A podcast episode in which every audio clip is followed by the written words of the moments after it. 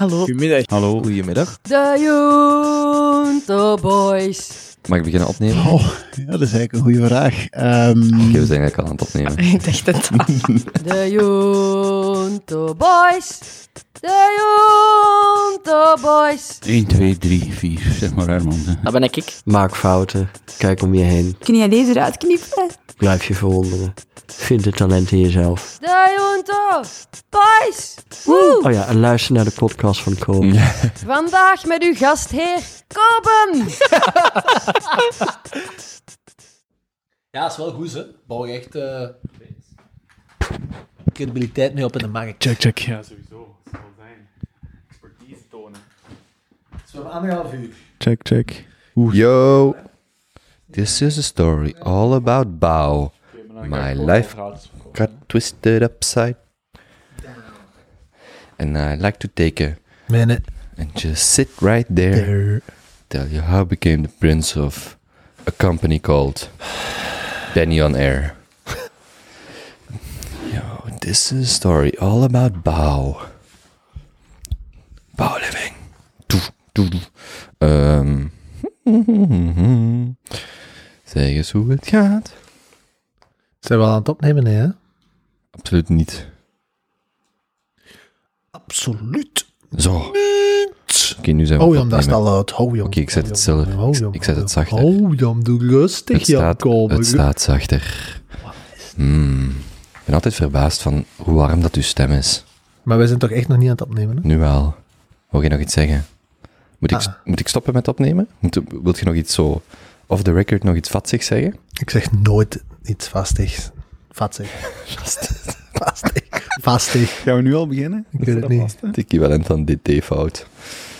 Iets vastig. Ehm, ja, ik heb... Ah, kut, dat ding... Doen jullie maar al de intro. De intro. Oké. Wat is een intro dan? De intro. Eh, Maar als ik jullie zou betalen, dan word je echt alle twee ontslagen. Goed, mijn ding staat af. Echt, ja. Prutsers. Jongen, ik ken de kutdag, Jan. Ik had me soms slecht. Dat is waar, dat is waar. Jesus. Benny heeft een kutdag, niet het type kutdag dat hij graag heeft. En jij? Oeh, Moe. Moe, oké. Maar we hebben er wel zin in. Maar we hebben er wel zin in. we slaan er ons wel door. Hey. Oké, maar we hebben wel maar anderhalf uur, want het is half negen. We, zijn al, we waren eigenlijk al op voorhand al een beetje aan het praten. Fijn om jullie te zien. Ehm, Het voelt lang geleden, maar het is niet zo lang geleden, hè? twee weken, hè? Nee. Vrijdag. Ik heb jullie al vier weken niet gezien, denk ik. Ah, nee. Poker. Poker. Hmm. Ja. Oh, dat was echt leuk. Dat is heel leuk. Dat was zeer leuk. Jongens, laat ons direct beginnen. Ik heb echt veel te vertellen vandaag. Ehm, Gaan we er gewoon. Niks housekeeping. Nee, nee, mensen. Moeten we housekeeping doen? Nee, niks Nee, nee. gebeurd. niks Kom. gebeurd. Nee, niet echt eigenlijk. Maar we moeten zijn OCD-meter in het oog houden. En hij had al een kutdag, dus moeten we iets vermelden? Nee, ik denk het niet. De website Dit is bijna time, live. time to shine. Zeg het. De website is bijna zo... Allee, hij is live, maar nog niet... Hmm. Het is toch niet echt... Hè? Minimum viable. Ja, minimum viable, viable website. De Junto feed en de Junto... En de Junto feed staat wel live. Overal te beluisteren. Overal te beluisteren. Dus vanaf nu best abonneren, abonneren daar. Want we gaan nu nog een paar keer publiceren onder zowel de Kobe Show als de Junto Boys. Maar dus heel snel ga je het sneller op de Junto Boys komen. Ja. Ehm, met wat vertraging op Kobe Show. En dan binnen zoveel maanden misschien alleen nog maar daar. Zullen we zien. Dus als je luistert via de Kobe Show feed, je gaat nog steeds de afleveringen kunnen luisteren, tenminste voorlopig, maar weet gewoon dat die later gepubliceerd worden. Dus als je snel wilt luisteren, eh, de Junto Boys. Voilà. Dus gewoon de Junto Boys ingeven op eh, Apple Podcasts, Spotify of waar dat jij je podcast ook luistert. En je gaat het vinden. Ook eh, bij Alexa, Google, Alexa Play, Junto Boys. Oké, jongens, ik heb vandaag voor de eerste keer in mijn leven Eh, 5 euro voor een dubbel shot latte betaald. 5 euro. Dat is toch absurd? Dat is veel geld. dat is keihard geld. Ja, dus ik ben zo een eh, cappuccino-index aan het bijhouden. Ik deed, het eigenlijk al zo jaren geleden om zo wat de, de prijsstijgingen bij te houden. Eh, ja, dit was dus geen cappuccino, maar ik ga daar dus binnenkort dus terug gaan voor een cappuccino te kopen, gewoon om een update te geven. Maar ik vond 5 euro, dat was dus effectief ook de, dubbels, de duurste koffie die ik ooit ge... Want ik bestel graag dubbel shot lattes. Ehm, maar 5 euro vond ik echt extreem veel, hier in Antwerpen Centrum. En de twee andere koffiebars waar ik vaak ga, drie andere. Daar is het 3,30 euro, 3,70 euro en 4,20 euro voor een dubbel shot latte. Maar dat wordt dus nu vanaf nu mijn referentiepunt om eh, inflatie te tracken. Maar dus 5 euro. Absurd toch? Maar Dat is vroeger mijn zakgeld voor een week. Dat is één dubbel shot latte nu. Weet je, dat zo, zo dat heel vier moment wanneer je door hebt, dat je naar je ouders gaat en je zegt, ik wil mijn zakgeld niet maandelijks, ik wil niet 20 euro maandelijks, ik wil 5 euro wekelijks. En wat er dan gebeurt, als je 20 euro maandelijks vraagt, bijvoorbeeld, dan heb je 240 euro per jaar. 240. Als je 5 euro wekelijks vraagt, heb je ehm 260 euro. Omdat er 12,3 maanden in een jaar zijn, zo gezegd, als je dat wekelijks... Er zijn 4,3 weken in een maand. Dus als je zakgeld wekelijks vraagt... En ik was zo fier. En mijn ouders die hadden niks door. Ik zeg, geef maar wekelijks. Doe maar, doe maar 5 euro wekelijks. Ting! En ik ben maar aan het denken, 4, 4, jongen, zoiets had ik helemaal niet door. Op dat Zalig toch? Ik, ga echt, ik kijk nu al uit dat mijn petekindje oud genoeg is. En dan ga ik zeggen, zeg, ja, is nou je papa? En vraag eens voor dat wekelijks uit te keren. En als hij zegt, je krijgt 30 euro per maand, vraag gewoon 7. En zeg gewoon zo, papa, dat is toch verder. Gewoon 7,5 euro per week. Probleem is dat mijn broer dat waarschijnlijk gaat doorhebben. In ieder geval, zo deed ik dat. Maar dus 5 euro voor een dubbel shot latte. Ik weet nog een tijd dat pintjes een euro 50 waren. Die gaan naar 3,50 euro. Maar geen Euro 50. Hier op de terras in Antwerpen. Yes. Ja. Er is geen inflatie, hè? Nee, nee. 3,50 euro. En de btw-tarieven zijn al verlaagd van, ik geloof 21 naar 6 procent, maar dat weet ik niet van buiten. Of, of 12 dan naar 6 procent. Jezus. Ja, 3,50 euro. Ja, dus ik was eigenlijk al aan het voor, voorlopen. Ik was al aan het antwoorden op de vraag, hoe gaat het? Hoogtepunt, van de laatste tijd. Misschien moet ik de vraag eerst openstellen, want ik heb echt vijf punten bij die vraag. Eh, maar Benny, jij gaf al aan dat je een eh, kutdag hebt. En eh, Teun, dat je moe bent. Ja, een beetje moe. Maar ehm, Zit, zit je te moe om de microfoon dicht bij je mond te houden? mm, dat is beter zo, hè? Dat is veel beter. top. Sorry, dat was... Hoef ik niet zo hard te praten. Echt passief-agressief. Passief Dat is echt. Maar hij is Echt. wel on fire, hoor. Ik, ben, Hey, ik, heb hier echt naar uitgekeken. Ik heb echt, twee man. ik heb echt ja, maar... Ja, Ik, eh, het stresste mij om naar hier te rijden. Veel water op de weg, een beetje aquaplanning. Ehm, Ik ben blij dat ik in de, veilig in deze stoel zit. Ehm, en eh, Veel omleiding ook. niks omleiding. Was het hier weer aan het insinueren, kopen. Anyway, wat ik wel nog heb meegemaakt van stressjes. ehm, een plaatsvervangend stressje. Oeh, Ik was van. Ja, het is, het is een beetje absurd ook. Ik was van een weekend in eh, Limburg en ik, ik kreeg een verhaal te horen van twee oude eh, kennissen, slash maten. Ehm, het zijn voetbalsupporters van KRC Genk. Je zou denken, wat kan er mis zijn met die mannen? Hmm. Want KRC Genk heeft de bekerfinale gewonnen. Mhm. Geen woorden, maar daden. Racing ging vooruit. Da, da, da, da, da. Nee? Clublied? Anyway. RZ van Genk. Ken je dan ook Droegi? Dro- Droegi? De, de harde kern van de voetbalsupporters van Genk? Nee. Zo'n ultragroepering. Hmm. En ultras, dat zijn die mannen die ehm, voor de wedstrijd in een of ander donker straatje afspreken met de knokploeg van de tegenpartij. Of in een of ander bos, om dan ehm, elkaar de kletsen van hun leven te geven. Dat meen je niet. Oh, zijn dat ook die gasten die zijn moeten voorkomen voor de rechtbank in Antwerpen? Of staat er volledig los van? De, dat staat er volledig... Ah, ik, ik weet het niet. Ja. In ieder geval, Droegi is de harde kern van Genk. En die mannen zijn er deel van. Nu, wat was er gebeurd? Ehm, die hebben een bekerfinale in absolute mineur meegemaakt. Want op een van de vooravonden van ehm, de bekerfinale was er een oud Droegi-lid, dus van de Ultras. hè, dat is een groepering van 40 man, 40 hardcore hooligans. En die had een originele banner, of spandoek, aan zijn voorgevel gehangen. Om ieder- iedereen een, eh, een hart onder de riem te steken. Ja. En nu had de tegenpartij, of hun, hun aardsrivaal, uit Sint-Truiden, de ultras van Sint-Truiden, die hebben dat gezien. Die zijn die een spandoek komen stelen. Ehm, die hebben die mee naar huis gepakt, naar hun clublokaal. En die hebben op de Belgian and Dutch Hooligan Association op Facebook zo'n prachtige foto gezet van hun met het spandoek van Droei, het originele spandoek van Droei. Nu blijkt dat er een ongeschreven regel is in heel die community, dat als een rivaliterende ultragroepering je spandoek pikt, dat je vier uur de tijd hebt om die terug te halen, te claimen, en anders moet je je groepering opdoeken. Oh, Jan. Ja. Hmm. Maar je moet, dat is dus dat is, dat is een kleine secte, hè? Dat, is, dat, is, dat, is, dat is familie van elkaar, dat gaat door het vuur voor elkaar. Die, die staan iedere maand eh, langs elkaar kletsen uit te delen. en plots merken die dat hun originele spandoek weg is. Ik heb geruchten gehoord over alle manieren waarop ze die terug hebben proberen te claimen en, en te krijgen. Dat is dan niet gelukt. Die foto eh, die dan op die Facebookpagina stond, werd beticht van onwaar. eh, een, Photoshop of een, een andere, eh, geen een echte spandoek te zijn. En dan een paar dagen later heeft Droegi, de ultragroepering van Genk, dan moeten toegeven dat effectief een originele spandoek was. En dat ze bij deze de ultragroepering gaan opdoeken. Och. Die- Dat is echt gedaan. Dat is echt gedaan. Dus die, die, man, hebben echt wel, die hebben echt wel eer. Die hebben eer, dat, dus, Ja. dat wordt heel hoog gedragen. Mhm. En die mannen hebben heel de wedstrijd blijtend gekeken. Is klaar. Die mogen niet meer samenkomen. Dat is echt hilarisch. Dat is wel heel eerzaam. Maar Zot Heel, toch? maar mogen die, dan, mogen die elkaar dan nog, mogen die dan nog pintjes gaan drinken? Ah, wel, dat, dat vraag ik mij dus Alleen als het geen voetbal is. die, mogen, die mogen niet meer met z'n allen samenkomen. Ja, als het voetbal is. Maar toch buiten de voetbal, toch? Allee, hoe grappig is dat? Zot, hè? hmm. Misschien moeten we ook zoiets doen met de Junto. Zo hi- hier, voor de kop is een ding, een, een vlag hangen. hey buurvrouw, Voilà, en als ze die meepakken, Als- als sowieso, is het sowieso de, la- als- sowieso de laatste aflevering dat we dan gaan opnemen. hmm.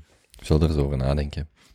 Oké, Dus ja, plaatsvervangend stress. Ik kan me inbeelden dat die man. in zakkenas zitten. En wel- welke ploeg was dan die? Had die, die Eh, Sint-Truiden.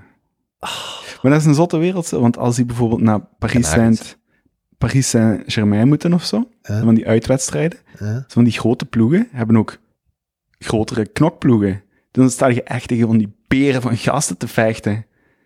Maar twee uur later, na dat gevecht, staan die wel met z'n allen in het café, Mhm. samen met die rivaliserende te trekken. Maar er, is, er loopt nu een eh, procedure voor de rechtbank van de Antwerpen. Dus er was een goede podcast op, op de Standaard podcast op vandaag. ehm, over twee knokploegen van, ik denk, FC Utrecht en van eh Antwerp, denk ik. Of Beerschot, maar ik denk Antwerp. Die twee jaar geleden zo'n free fight hebben gedaan. Dus die zijn gewoon met, ik denk, 60 man, hebben die ergens op een privéterrein, of ergens, nee, openbaar terrein, maar ergens ver weg afgesproken. Een beetje, ik vond het heel vreemd dat het woord Fight Club niet viel in de podcast van hen. Maar echt dat principe, gewoon 30 tegen 30 man, motten en ook wel met regels. Maar Mhm. blijkbaar waren er ook beelden waar dat er echt ook werd doorgestampt op elkaar. En daar werd dan juridisch een probleem van gemaakt. En ook geen, allee, dus echt juridisch van, je hebt geen verzekering en de regels werden toch wel overtreden en dergelijke. Maar effectief venten die zeggen van, kijk, wij willen gewoon met elkaar op de vuist gaan. Fight Club-stijl. Mhm. Dat is het. Laat ons gewoon doen. Wij gaan gewoon 30 tegen 30, dat duurt een paar minuten, daar spreken wij af. En echt gewoon... En daar zaten dus blijkbaar ook zo, zo types wat havenarbeiders en dergelijke bij, maar ook blijkbaar een architect. Ook, dus dat ging ook zo, zo echt Fight Club gewijs van... En ik, vond, ik was echt zo die podcast aan het luisteren, ik zo... Zeg nu Tyler Durden. Zeg fucking Tyler Durden. Ik zo, nee, niemand Fight Club. Ik zo, dat is het toch, ja? Mm. En die, die rechtszaak loopt nu voor de... Dus daarom dat ik eraan moest denken. Ja, die dat is gewoon afspreken. Dat is grappig dat als maatschappij dat precies niet meer accepteert, hè. Dat is zo, hey, hey, hey. Nee, hè. Allee, dat cave, de caveman die daar in elke man zit, laat die daar eens gewoon zitten. Die mag er niet uitkomen, hè. Dat, wij accepteren dat niet meer, hè. Ja, of met heel veel regels, hè. Maar ja, dat is toch gelijk... Hoe zeggen ze aan entourage? Een trio met regels is geen trio. Allee, zo... Allee, soms moet je gewoon geen regels hebben. Maar moet je ook eens voorstellen dat je... Hoe een zei je vriendin- weer? Een trio met re- regels is geen trio, dat is een beste rij. Ja, dat is wat. Dat is wat. Het was zoiets. Moet je eens voorstellen dat je de vriendin bent van zo'n kerel, bij zo'n ultragroepering. Ja, maar die weet ah, dat waar is toch? dit weekend? Ja, Moenke Gladbach. Ja, Bereid u maar voor, ze. ja. Maar, dat, maar die, die, die mappen toch niemand niet dood. Dat is gewoon... Eh, ik, Meppen. dat heb ik ook gevraagd. Wat- Ik zeg van, is dat dan zoals in een moshpit, dat je iedereen moet rechttrekken? Ze zeggen, nee, nee, nee, je mocht ze gewoon niet door, doodstampen. Oh, what? Ja, maar... Allee, ik vind, dat nu niet, ik vind dat nu niet zo zot. Dat zijn vaak ook gewoon echt getrainde vechters die... Ja, ja. Allee, ik zou mij Heb je al voorstellen... een klets gehad? Echt een klets? Niet van een getrainde vechter. Ik ben deze week door een hond gebeten. Echt? Ik ga morgen klacht neerdienen. Eh, nee, Och, jongen. Absoluut. Dus we waren, ik, was aan het, ik wou het eigenlijk niet vertellen, maar als wat. Ik was aan het wandelen, er komt een ander koppel af en die een hond bijt mij in mijn hand. Die man wordt heel agressief, die zegt dus corona, je moet afstand houden. Maar wij liepen in een park, in Zonhoven. En dus die hond die beet mij. En eh, mijn broer was er ook bij, we waren met twee aan het wandelen. Maar ja, als dat met mijn nichtje was, of met mijn petekindje, of met iemand anders. Die hond had die even goed gebeten. En eh, ik ga klacht neerdienen, want als dat nu nog... Weet wie dat is? Nee, maar ik kan die wel beschrijven. Nee, en ik doe dat ook niet. Ik verwacht, en ik, heb ook een, ik moest vandaag voor iets anders bij de dokter zijn, dus ik heb een medische test laten maken. Maar ik verwacht daar niks van. Ik heb er ook niet- geen last van. Maar ik vind wel dat je dat moet aangeven, want als niemand dat ooit aangeeft, en dat gebeurt nog drie keer, en niemand geeft dat aan, de volgende keer is dat een kind, en ik vind dat wel problematisch. Of Dan het de- een hond was het. Ik ga dat, nee, ik ga dat niet hier publiek beschrijven. Nee, maar dat was wel Want ik verschoot eigenlijk, die hond beet niet door. Ik verschoot gewoon heel hard. Maar die man was ook heel agressief. In plaats van te zeggen, oh sorry, was hij, die werd, want op een bepaald moment zegt hij, zal ik de hond nog eens op je loslaten, omdat hij zo echt... Dus ik wil dat, ik ga die gewoon beschrijven, dat aangeven, want ja, maar de volgende keer is dat een kind of zo. En ja, of wat.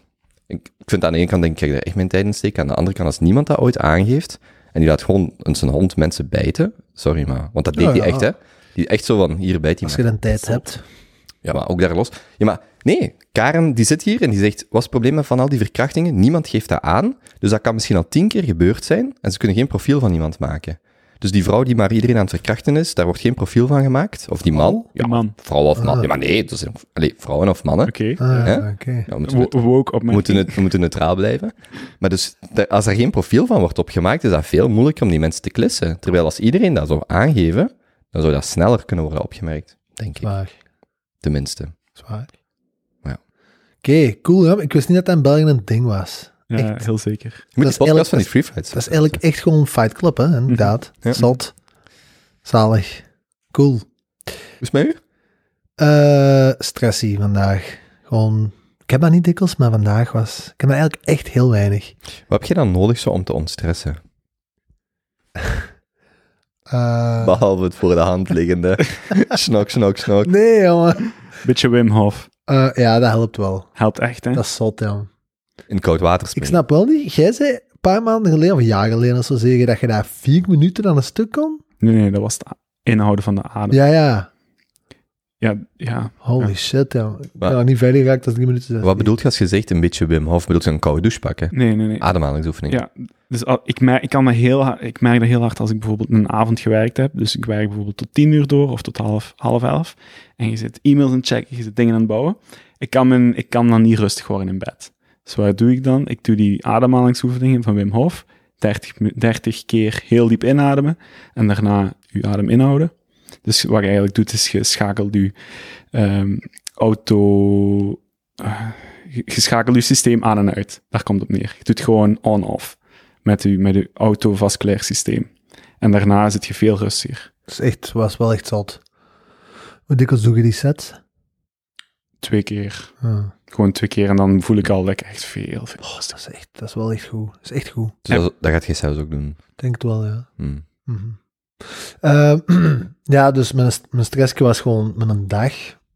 Van alles wat ik niet echt over kan uitbreiden. Gewoon bedrijf, shizzle. Ehm, mijn hoogtepuntje was, ik ben op weekend geweest. Met drie eh, zeer goede vrienden. Die jullie ook kennen. Hè? De Strandhof Boys. Ehm, en dat was in het Hageland. Hm. Kennen jullie het Hageland? Mhm. Zo de, de buurt van Leuven. Ik was er nog nooit echt eens op weekend geweest. Dat is wel echt een aanrader. We hebben verbleven in het dorp waar dat- die van een NVA, van asiel, Lubeek. Lubeek. Allee, Theo Franke. Ja. Ja. In Lubeek. Ja, in Lubeek zijn we verbleven. Dat is echt kei mooi. We zijn op vrijdagavond groten toe gaan lopen, met zo het zonnetje daar over de velden aan het gaan. kil- dat is twee kilometer van waar Jonas woont, hè? Die woont Echt? in Kesselo, dat is ernaast. Hadden we dat geweten. Ehm, ja, dus eh ik gaan lopen, ehm, zaterdag goed gekaterd.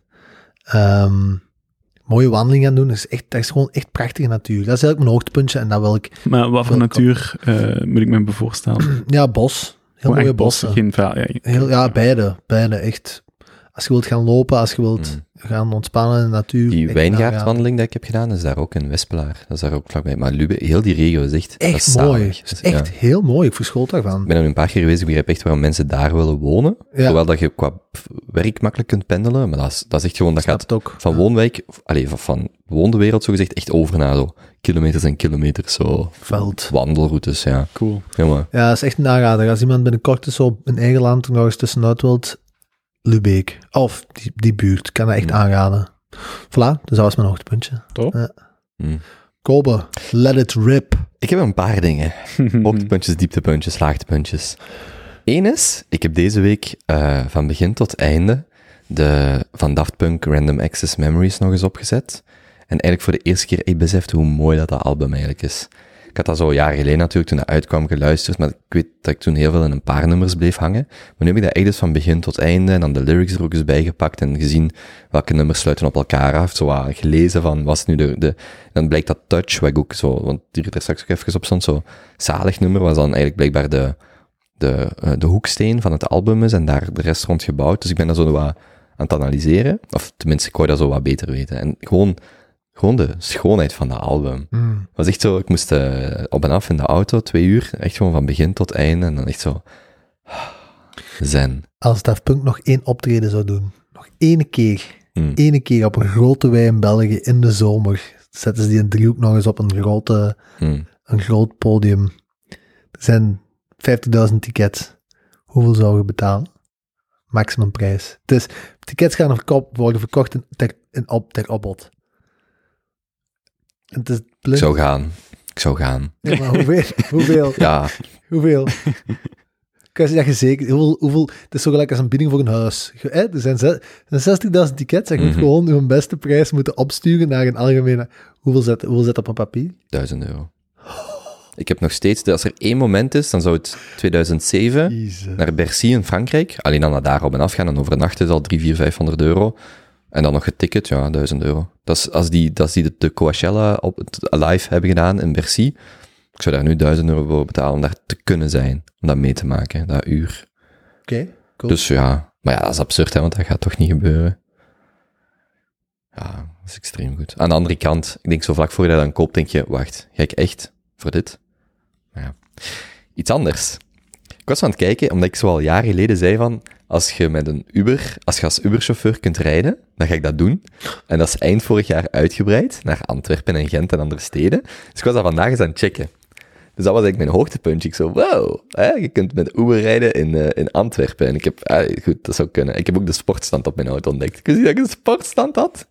Z- Zit daar een sportstand op? maar Want- wel, ik dacht dus, als ik die van Drive in S zet, ik deed dat eigenlijk, ik deed eigenlijk vooral op de snelweg. En maar je hebt automatiek. Ja, Ah, dus ik zet die in S, maar ik dacht dat dat dan, en omdat je die, omdat ik, als je die manueel zet, doet je eigenlijk om te downshiften, want ja. Ja. je wilt optrekken. Dus ik had nooit de klik gemaakt, dat S eigenlijk, ik dacht altijd, oké, ik ga gewoon naar 5 en ik downshift op de autosnelweg als ik dat probeerde. Maar in de week had ik ineens door, maar wacht, ik zet die gewoon op S en ik voel dat mijn start-stop niet afsprong aan de lichten. Dus als je gewoon je, je rem lost, schiet die vooruit. Hm. En ik zo, oh ja. In ieder geval. Dus ik zoek dat op, Uber Antwerpen. En een beetje, dus, dus dat ging heel snel van hoogtepunt naar frustratie. Want je hebt eigenlijk heel die, die, die innovatie dat Uber, tenminste dat, dat marktsysteem van Uber ook in de taxiwereld brengt. Maar dus in België, je hebt sowieso een commerciële verzekering nodig. Dus niet voor je wagen, dus niet gewoon een privéverzekering, maar een commerciële, dat is al anders. Dan heb je een goedkeuring of een licentie van de stad nodig. Dat is op stedelijk niveau. In Antwerpen is dat tussen de 250 300 euro per jaar. En dan heb je nog een BVV of een DVV, nog een andere vergunning dat je mensen mocht rondbrengen.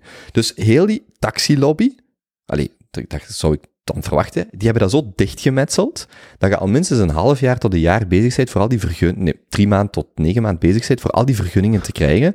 Dat kost 1000 euro per jaar extra, opdat je gewoon mensen kunt rondbrengen. Dus stel je voor, dus deelsteps, kunt je gewoon starten, je whitelabelt gewoon wat steps, een app, je start gewoon eh, eh, busbedrijven. Al die dingen zijn eigenlijk veel minder gereguleerd, maar als je met je auto, oh wee, mensen wilt rondbrengen, zit je al voor minstens voor 1000 euro bezig en drie tot zes maanden of drie tot negen maanden werk om daar rond te krijgen. Dat is zo mooi dichtgemetseld door die lobby, dat, dat ik denk, dat is toch absurd? Als ik gewoon na mijn uren een beetje mensen wil rondrijden, dan zou dat toch eigenlijk moeten kunnen. Maar ze hebben wel wat tijd gehad hè, om zich voor te bereiden. Ze wisten dat het afkwam. Antwerpen heeft het niet direct toegelaten. Ze hadden tijd om... Ja, maar voor mij als, als, als fantastisch chauffeur, waar dat nood aan is, ja, ik moet gewoon doorheen allerlei... Ja, maar ja, dus, zowel als ondernemer, maar ook als participant is die markt, is die barrier to entry gewoon artificieel hoog, terwijl dat voor heel veel andere markten helemaal niet is. Stel je voor dat, dat Facebook het geregeld kreeg dat het volgende platform dat je daar 10 euro per maand moet betalen voor mocht niet gebruiken. Dat is toch, dan zou je toch zeggen, ja nee, zo werkt dat niet. Dat is toch geen vrije markt. Dus wat, ik vond dat, dat ging heel snel van, oh Uber, dat wil ik wel overwegen, naar, oh ja, het is gewoon heel veel gedoe. Dus, ver- dus nog los van het geld, je moet gewoon die vergunningen en, en ja, Dan, Eh, hè, dus behalve die 5 euro voor die double shot la- latte. Ik heb ook twee, twee kleine eh, feitjes, maar ze passen niet echt onder vraag 2. Het zijn gewoon heel korte dingen. Het heeft te maken met eh, vasten. Dus ik was... ehm, dus hè, dus ehm, ik heb mogelijk even gevast, maar ik was dan een aantal... ik heb dan een aantal podcasts geluisterd. bijna in de story, man. Er was een klein akkefietje met een maar zwart. Ehm, maar ik heb, ik heb eigenlijk twee dingen dat ik totaal niet wist. Dus er is Maar, een maar wacht, hoeveel heb je vast? eh 85 uur. Dus 85 drie dagen uur. en een half. Misschien moet het eerst dagen zeggen, voordat je... Ik heb, ik heb jaren geleden, wou ik eens 10 dagen vasten. Na twee dagen ben ik gestopt. Ik heb daar nog een video van op YouTube. Eh, op dag twee ben ik gewoon gestopt, want dat lukte mij niet. En dus dat is zoiets waar ik al jaren over lees. Peter Attia, eh hoe heet hem, Alan Goldhammer, eh Dom D'Agostino. Ik heb daar echt al, denk ik, honderden uren van, nee, honderden niet, tientallen uren van podcast over geluisterd. En het idee en de wetenschap daarachter lijkt mij vrij logisch. Dan gaat het over een aantal uren niet eten tot een aantal dagen, eh, zwart. En ik dacht, dit keer, ik ga dat gewoon eens 48 uur doen. Maar ik voelde mij na 48 uur zo goed, dat ik dacht, ik ga het 96 doen. Maar ik had een, een, een, een, een, afspraak. Dus dan heb ik eh, in plaats van vier volledige dagen, 3,5 gedaan. En ik vond dat eigenlijk top. Ik voelde me echt eh, heel goed. Hoe, wat heb je als eerste terug gegeten en hoe proefde het? Ik weet dat ik heel veel honger had. En ik had op z- zondagnamiddag dus een picknick opstaan. Dus ik heb echt, ja, geschrokt. echt. Ja. Ik kan dat niet Dat was geen zeggen. picknick op jezelf. Het, nee, nee, nee, er was veel eten. Het was een verjaardagsfeestje voor mijn petekindje. En, maar het probleem is, als je zo'n paar dagen niet gegeten hebt, je mocht, met die snoepzak. ja, nee, je mocht ook niet zomaar alles eten, omdat je digestief systeem kan dat, je hebt die enzymen die dus je eten afbreken, die zijn er even niet meer, of die bacteriën zijn er niet meer, of zijn er minder blijkbaar. Je mocht niet zomaar eten, dus ik heb op voorhand even zo een beetje bouillon ge- gedronken, en dan, zo, ik denk, eh, wat had ik hier nog liggen, zo wat kaas of zo, en wat olijven, nee, olijven ben ik mee begonnen. Mm. Maar ja, je moet oppassen dat je niet... Allee, je kent zo die uitspraak van never trust a fart. Dat is echt geen fijne situatie om in te zitten. Ja, dat is echt zo... Als je daar, als je daar drie dagen in zit, dat is niet fijn. ik heb ooit gehoord, als je zo van dat soort van periodes aan vasten doet, dat, ach, deze is echt gehoor. Maar bon, bon maakt, Maar ja, maakt niet uit, hè? lijkt het op de kleur van uw hemd? Eh, ja. Wat je nu gaat zeggen? Ja, dus dat blijkbaar, als je lang genoeg vast, kijk je op een duur een, iets dat aan de binnenkant van je darm zit, Mhm. zo'n laagje, kijk je dat gewoon uit. En dat ziet eruit als een kopie van uw darm. Hmm. Kelly Slater bij Joe Rogan, niet? Dat kan. Ik zal de volgende keer eens foto's Ja. sturen in het groepje.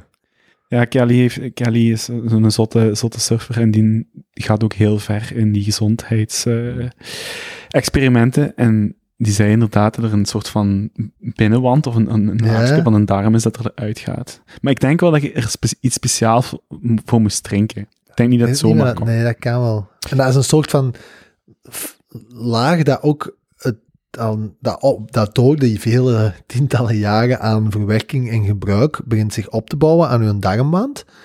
En waardoor dat de opname van verschillende voedingsstoffen minder vlot gebeurt. En daarom dat het nogmaals nog extra zo gezond zou zijn om eens inderdaad Hmm. een week niet te eten. Want uw, uw heel digestief systeem doet gewoon inderdaad gewoon blijven Mhm. een reset. Die Peter Attia doet het bijvoorbeeld, heeft het jarenlang een week per kwartaal gaan, dus zeven dagen aan het begin van elk kwartaal. En nu doet hem drie dagen elke maand. En dat is zo voor mij, zo, is dat zo de autoriteit daarover, ook met zijn pot. Maar, dus er waren twee feitjes die ik ben tegengekomen. Alan Goldhammer was bij Rich Roll, die podcast, die, Ja. je, je kent die ook, hè? Ook, ik ook, ja, ook een vrij goede podcast. Ja, goed. En die zei dit. In geïndustrialiseerde eh, eh, landen zijn twee op de drie mensen hebben overgewicht of zijn obese. Als je niet, ik ga hem gewoon citeren, if you're not fat, you're abnormal. Mm. Twee op de drie mensen in de westerse wereld is dus eh vet of over, heeft, eh, heeft overgewicht of obese. En dan is er ook een ehm, studie van het CDC, het Centrum for Disease Control, de Amerikaanse eh, instelling, of, uitgekomen. 80% van de Amerikaanse COVID-patiënten waren klinisch obese. Mm. Dus dat waren zo twee statistiekjes dat je... En ik, ik zat er nog over na te denken. Ik denk niet dat zo... Obesitas is niet het probleem, dat is eerder het gevolg van een onderliggende oorzaak, wat dat ook mogen zijn. Ehm, maar dat is wel heel duidelijk dat... Of dat was voor mij wel een motivatie om dat ook eens te proberen en ermee verder te gaan, dat dat gewoon een heel duidelijke eh, indicator is van oh, dit is, dit is niet normaal. En die Ellen, die zei dat zo gewoon heel droog van 66%. Ik wist zo, ik weet nog, een paar jaar geleden gingen we over de, over de, de, de metric van er zijn op dit moment meer mensen met overgewicht dan met ondergewicht in de wereld. Dus het was zo 50-50, dat was al wel een paar jaar geleden. En nu gaan we echt zo naar ja, 66, allee, twee op de drie. En ja, ik vond dat wel twee heel, heel aparte eh, Ga je Statistiekjes. doen? Het ding is, ik wil dat doen omdat het mij dat beter doet voelen, niet omdat ik het gewoon wil doen of zo. Niet omdat het moet. Maar ik vond wel... ehm, ben nu dat intermittent fasting aan het verder doen, dus 6 uur eten, 18 uur vasten, om dat te testen, want dat heb ik eigenlijk ervoor ook, toen ik dat met die Zero-app. Ehm, maar ik vond het, ik heb geen één moment honger gehad. Ik heb zo, nee, ik moet dat anders zeggen. Ik heb zo een paar keer een minuut of zo gehad dat ik dacht, ah ja, nu zou ik iets kunnen eten, maar ik heb eigenlijk nooit honger gehad. En ik vond het vrij positief. Ik vond gewoon... En, en het is wel zoiets, vind ik, en daarom is dat moeilijk, vind ik, om daar concreet op te antwoorden. Je leest die studies, of je leest de background. Bijvoorbeeld James Clear heeft ook een paar goede posts over geschreven. En je weet in principe dat dat goed is. Tenminste, dat lijkt de wetenschap te suggereren. Dus dat is niet dat je ineens je 100% beter voelt of zo, maar je weet gewoon van, ah, dit is periodiek doen, of dat nu het eh, christelijke vast is, Ramadan, het Grieks-orthodoxe, wat dan ook, dat is, gewoon over, dat is gewoon eigenlijk heel wijd verspreid. Dus dat zal ergens wel nut hebben. En dan, en je leest ook, hè, anti-aging en bla bla bla. En ik denk dat dat vanuit dat perspectief gewoon iets is wat je kunt overwegen. Wat bijvoorbeeld ook, wat ik heel interessant vond, is dat bijvoorbeeld rokers, men- of mensen die stoppen, die willen stoppen met roken, wanneer dat die vasten, blijkbaar in dag twee hebben die al geen goesting meer in nicotine. Dat is iets wat heel vaak voorkomt. Dus heel veel mensen die willen stoppen, die, die doen dan, die proberen te vijpen, of met chicletten, of met plakkers. En blijkbaar, als je een aantal dagen probeert te vasten, na dag twee heb je daar al echt geen goesting meer in, in die nicotine. En dat zijn zo van die kleine indicaties dat ik denk van, je kunt dat eens proberen. Ik heb het ook gehoord op Tim Ferriss, van dat als je chemo hebt, en je gaat, maar dat ging over, ja, niet noodzakelijk vast, maar als je in ketose je chemo ging pakken, Mhm. heb je ook echt 80% minder eh, kwaaltjes van je chemo. Allee, kwaaltjes, je zet echt gewoon keiziek, je kunt daar keiziek van zijn. Hè? Mhm. Maar als je dus in ketose gaat, als je die in ketose ondergaat, dat je echt... Ja, Het is ook spannend onderzoek dat als je, eh, als je zorgt dat je voeding, je insuline niet piekt, hè, dus eigenlijk suikervrij eten, koolhydratenvrij, is nu heel spannend onderzoek over dat dat ook de kanker, de groei van een kanker zou, zou, ja, remmen en zelfs zou afbouwen, omdat, maar opnieuw, hè, het zijn studies dat ik jaren geleden gelezen heb, maar door een overschot aan insuline in je bloed, eh, kan die kanker ongestoord groeien. En blijkbaar, allee, je je lichaam maakt insuline aan, hè, dat is niet wat je exogeen inneemt, maar door, dat, door, door een ketogeen dieet te volgen, zou die kanker niet zo excessief groeien en zelfs kunnen afsterven. Of, of, maar dat is gewoon spannend onderzoek. Dat is een beetje in de, in zo de, de categorie van onderzoek, gelijk die psychedelica voor PTSD en zo. Dat is allemaal zo, dat ziet er heel veelbelovend uit. We zien wel dat komt, of wat, wat dat, dat brengt. Maar ik vind zoals je zo een paar puzzelstukjes samen eh eh pakt, gewoon mensen niet oproepen om samen te vasten, dat kan soms problematisch zijn. Ehm, maar ik vond dat wel, ja. Ik kreeg, ik kreeg deze week wat vragen van, wat, Teun, Teun, waar is Kobe nu weer mee bezig? Waar, waar is hij mee bezig? En ik zeg van, ja, hij is aan het vasten, maar denk eens na over hoe dat onze voorvaders leefden.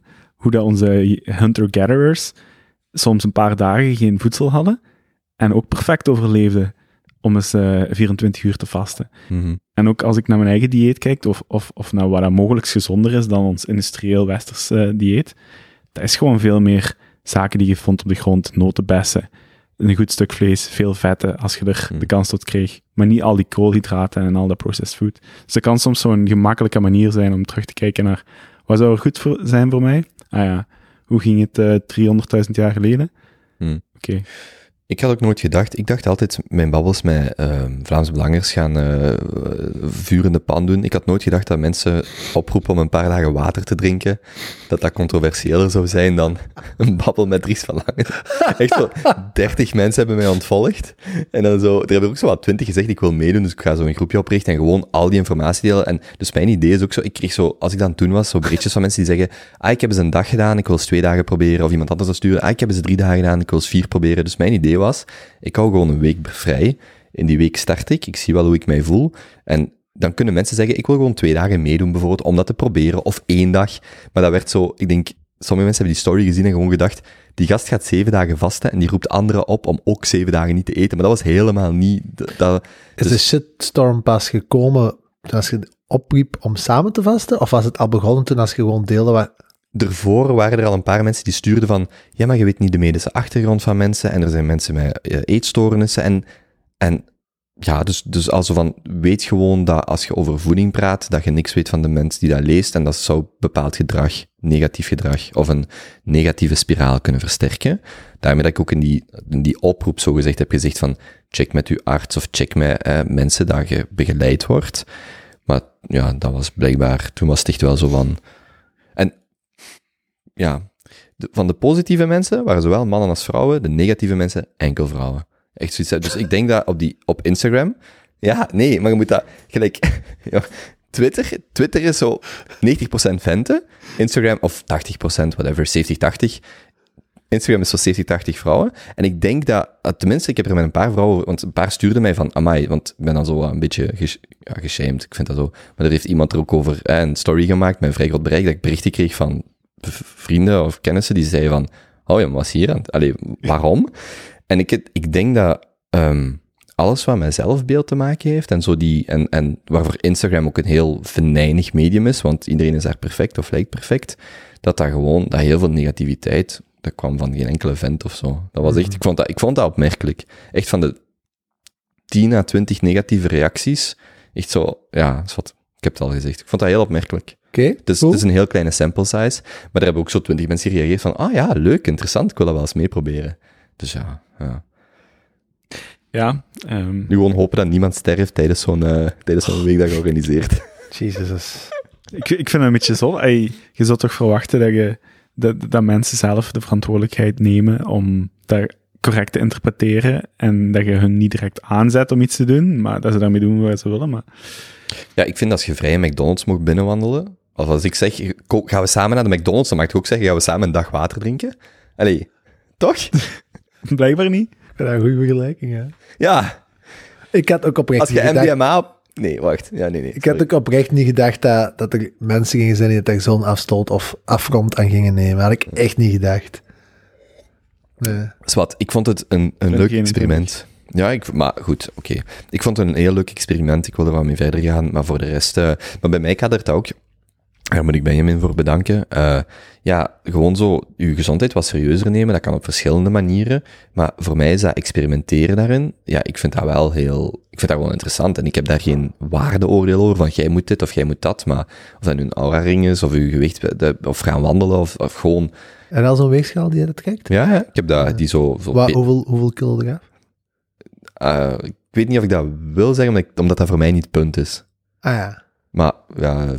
zeg het straks. Ja, maar allee, ik bedoel, ik wil gewoon niet, want dat, dat viel mij ook op dat mensen zo precies de instelling hebben dat je dat puur doet om gewichtsverlies. En dan begrijp ik wel. Dat was ook wat ik wou zeggen, juist Ja. je was aan het zeggen, obese mensen, eh, twee op drie. Maar daar gaat het voor u maar nee, en, ook, niet over. en dat is ook wat ik bedoel. Bij mij, gelijk, ik heb zelf, en ik denk dat dat erfelijk is, ik merk dat ik zelf aanleg heb om echt eh, bij te komen, gemakkelijk, Mm. en gemakkelijk depressief te zijn. Maar voor mij heeft dat altijd gevoeld als twee dezelfde dingen, die gewoon een uiting zijn van onderliggend iets waar ik ja, stress heb of mij niet goed voel in mijn lijf, en ik begin dan veel te eten, veel te zuipen, en, en zo dat soort dingen.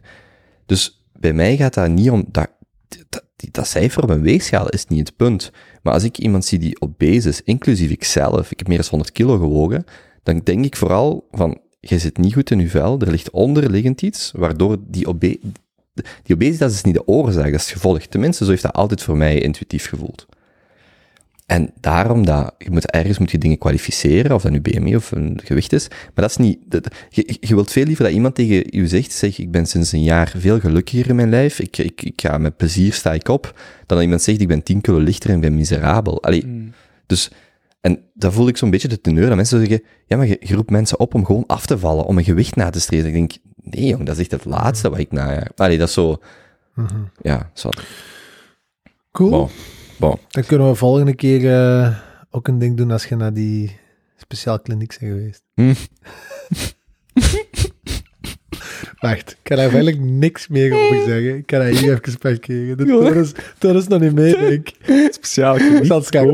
Dat is gek. Ik ga dat even hier laten als cliffhanger. Dat is heel grappig. Ja. Ja. Gaat u toch voor die penisvergrotting? Verkleining.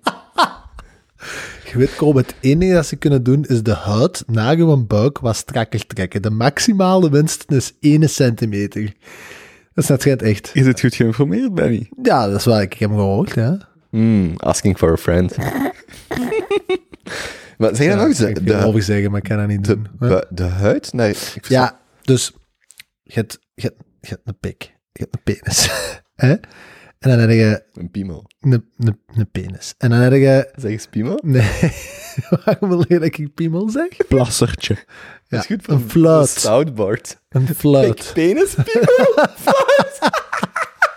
Oké, kom. Het is Oké, dus je hebt, je, de, de huid vertrekt en dat gaat dan door toch schuin naar boven. Maar de voor, ge- ja, echt Nee, nee, nee, de nee. stam. Zo de, gezegd. sta, ja, de, de, de, de wortels die dan leiden naar de, de stam. Hmm. Hè? schacht. Ja, naar de, s- de, de schacht. Ah, dat ja, ik wou het eilandje even zo. bij natuur eh, ja, oké. vergelijkingen houden. Nee, ik bedoel zo dat eilandje zo. Ja, het- ja, en dat kunnen ze dan blijkbaar wat naar beneden trekken en Ja. gelijk maken. Maar ja, Op de als je over een paar, ja, als je over een paar centimeter spreekt, hè, Je kunt hem beter gewoon eens scheren. Dan komt hij ook uit de bos.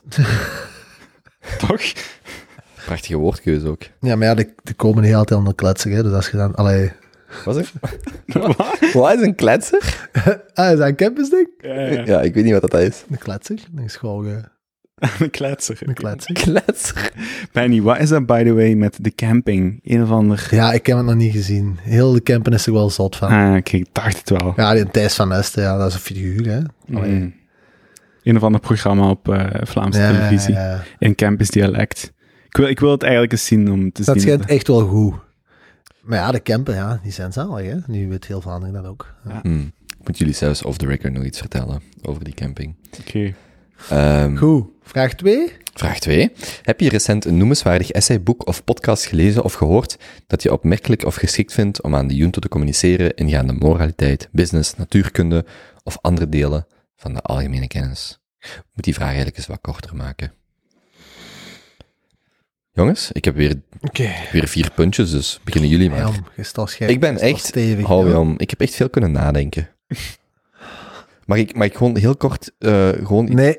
Nee, oké. Eh, ehm, ik heb er misschien wel ene, ja. Eh allee, ik heb, nee, ik heb er ene. Ja, allereerst wil ik ook wel zeggen dat ik vond dat heel leuk. Die dame die had gereageerd op eh, het, het Bill Gates eh, boek vorige keer. Dus ik, ga, ik heb dat goed ontvangen. Ik ga zeker een, een, een positieve debrief doen. Want alles wat er gaande is en wat we kunnen doen om het klimaat toch nog te redden. Ehm, De Bill Gates is anders eh, Ja. ook on fire. mm, Terug op vrijersvoeten. mm. Echt? Ja, ja. Is hij gescheiden? ja. Ja, Is Melinda Gates single? Melinda Gates is Oh, single. ik hoef niet arm te sterven. Dat is effectief de reactie van het volledige internet. Zalig. Ja, dat je arm geboren wordt is niet schuld, dat je arm sterft. Oh ja, dat was bij ons in de opvoeding stond dat centraal. Allee, komen. Maar ze hebben in ieder geval het internet Je moeder luistert, hè, dat weet je toch. Melinda Gates is eh, single. Ik vind wel oprecht dat hij er nog heel goed uitziet met de leeftijd. Oeh, nee. Nee? Ik, dat is, Hoe oud is hij? Hij niet, hè? Zij, hè? ja, ik vind dat een... Dat is zo...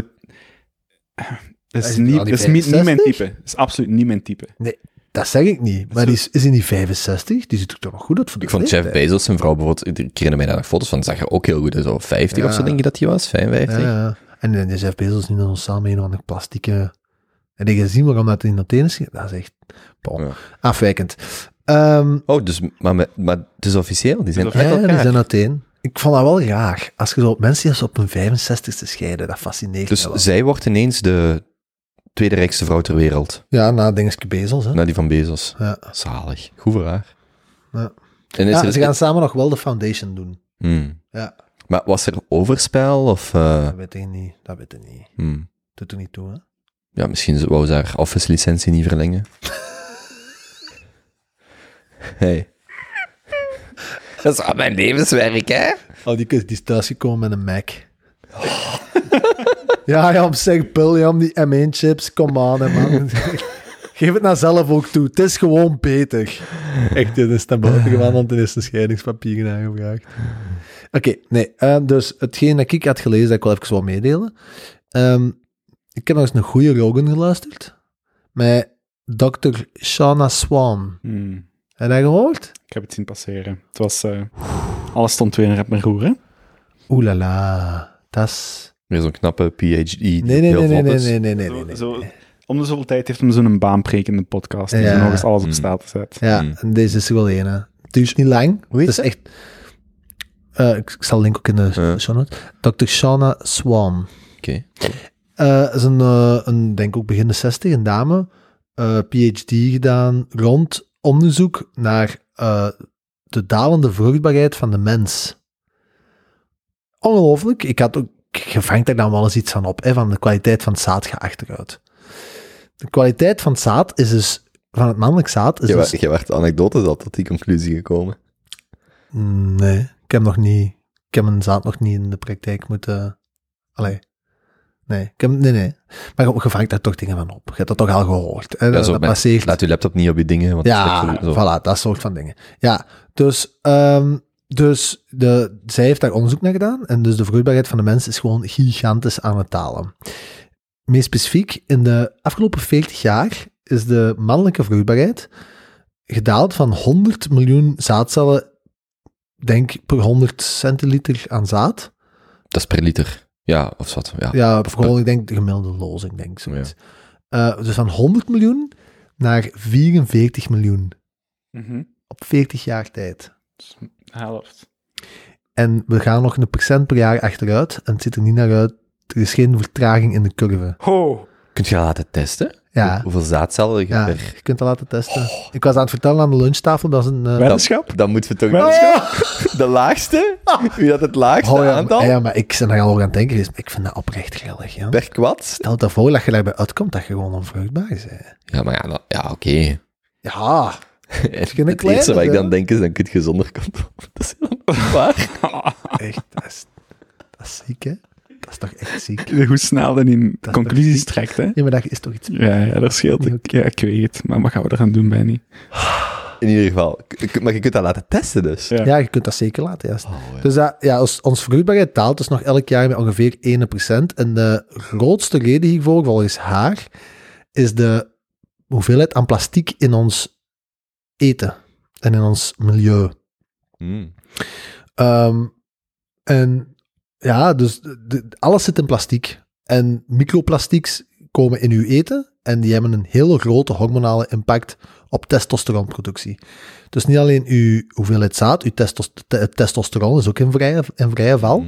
En het is zelfs zo erg dat er nu al sinds de jaren 60, 70, eigenlijk na Wereldoorlog 2 is die, is die ja, plasticproductie beginnen boomen gelijk als zot. En die hoeveelheden zijn steeds beginnen gaan toenemen. En dat heeft tegenwoordig zelfs al impact op de lichamelijke vorming van de man. Meer specifiek, wat zij heeft ontdekt, is dat er dus een zware correlatie is tussen de grootte. Dit is grappig, hè? Maar dus de, de lengte van uw gooch. Dat is goed. De gooch, kennen dat? Plasser. Nee, de gooch is de. de, de nee, de gooch is de, het stuk huid tussen anus en balzak. Ah. Dat is uw gooch. Oké. Oh, is dat niet zo een van de leukste? Of bonus? toint of zoiets. In het Engels is het een taint, een toint. Ja, dat is, en dat, Oké. is een, dat, is een, en dat heeft een specifieke. Dat had een specifieke lengte. Ja. En die lengte is beginnen krimpen. Dus ons gat komt dichter naar Ja. ons ballen. Ja, Dus onze anus gaat omhoog. Nee. Nee, omlaag, omlaag. Ja het is gewoon aan het krimpen. En eh, dat is ook zwaar gecorreleerd tot de hoeveelheid, denk ik. Dat, ja, ik heb het maar En één maar keer wow, geluisterd, is, maar- er, is er dan vanuit het aspect dat dat bij vrouwen ook heel dicht bij elkaar ligt en dat wij dus meer richting... Dat weet ik niet. Daar het niet over gegaan. Ja, de, de, de testosteronproductie... Goed opgelet, toen, De testosteronproductie is aan het dalen, dus dat kan daarmee te maken hebben. Want ja, het begint, dat zegt, legt ze natuurlijk wel uit. Wij beginnen allemaal hetzelfde, hè. Ons geslachtsorganen zijn die eerste zoveel... Hmm. Dus dat zal er waarschijnlijk iets mee te maken Ja, bij hebben. een man groeit dat naar buiten. Michel heeft me dat getoond. Bij een man gaat al diezelfde dingen groeien naar buiten. Bij een vrouw groeit dat naar binnen, zo gezegd. Ja, dus als je kunt weten... Als je kunt dus... Zij heeft... wacht, zij- het onderzoek dat zij... Wow, wow, wow, Wacht. Hoe? Hij is nog aan het processen. Dat laat zij zien. Dat laat zij zien. Hoe gaat je zo Ik kan er een foto van maken. Ja. Ja, maak zo maar... Maar dat is zij dus laten zien. Zij is zo'n doos, hij is ook aan een Rogan gegeven. Ja, die lag natuurlijk strijk. Die eh, zei, ja, daar ga ik mijn Q-tips van mijn poolstick mee meten. Maar je dat is een measuring device. En heeft dat dan ook afgegeven. Dat is zo twee ijzeren lattekens. En daar heeft zij dan honderden koetsjes van, van jong gastjes eh, mee, mee ja, geanalyseerd. En dan eh, ook staalafnames gedaan van de hoeveelheid aan zaad. Maar, En daar is, een, daar is een statistisch significante correlatie maar tussen. dus er is een correlatie tussen de zaadhoef, dus de, de miljoenen zwemmertjes per lozing En de lengte En- van uw gooch. en de lengte van uw... En hoe hoger, ja, en hoe hoger Ja. bijvoorbeeld ook hoe meer testosteron. Allee, dat is hoe dat ik het heb begrepen na één luisterbeurt, hè, man. Dus Hmm. en ik heb het dan nog eens gelezen, even voordat ik. Maar eh, daar komt het op neer. Wij zijn gewoon. Wij zijn eigenlijk, en dat was. En die Rogan die was helemaal aan het flippen en terecht, want zij zei. Er zijn. Er, zijn, er, er- is een definitie van wanneer dat een soort wettelijk, allee, eh, fysisch gezien onvruchtbaar is.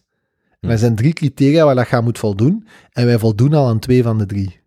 Oké, wat, wat zijn die dan? Ja, het was iets van dat je vruchtbaarheid moet afnemen. eh jij moet onder een bepaalde hoeveelheid aan eh, productie van nakomelingen zitten. En in het Westen zitten wij al een paar decennia Hmm. onder, onder de, ja, een, ja, om ons in stand te houden. Mhm. Ehm, dus we zitten al aan twee van de drie, dat waren ze, denk ik. Dus sterk dalende vruchtbaarheid. eh, en, en gewoon, ja. En, en ze zegt ook van, en dat is een probleem, hè, want er zijn al zoveel programma's geweest, in China nu ook, zitten ze met gigantische demografische problemen. Hè. Dat is, de wereld verandert zo snel dat ik nog met het idee zit van, in China maken ze kinderen tegen een gigantisch stempel. Dat is niet. Nee, China is al, qua gemiddeld zaten ze nu aan 44 per, gemiddelde Chinees is 44 jaar oud. Hè. Hmm. Dat is hoger dan in het Westen.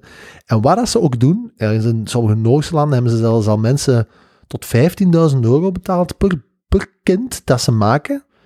Dan krijg je daar niet aan boven dat geboortecijfer. Hmm.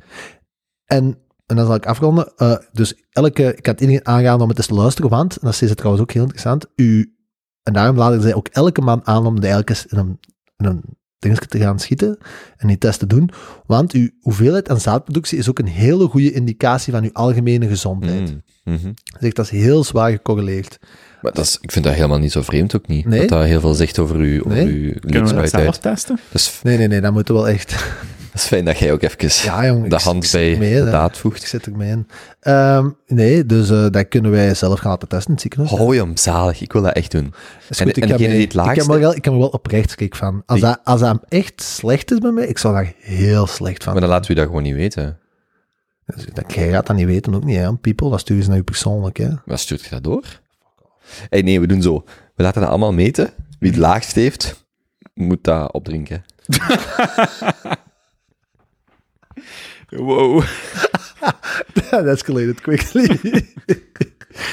Oké, ehm, ja, dat was het. Dus ik denk, dat is eigenlijk echt een hele... Dat is niet lang, want ik ook een heel gewoon zo'n 90 minuten zo zitten zien van...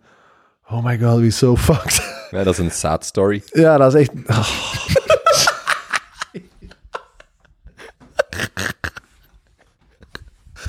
Allee, um. Oh.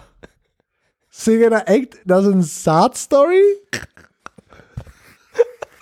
Hij doet het. Hij doet het. Allee. Oké, sorry, sorry.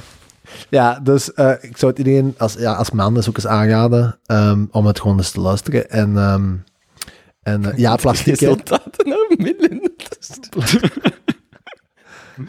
plastiek. Gewoon geen, alle plastiek, niet in de microgolf. Niks in de microgolf. Ik jij nog, dat nog een paar weken geleden zei, ja, van, zit je nu van een fles aan het drinken?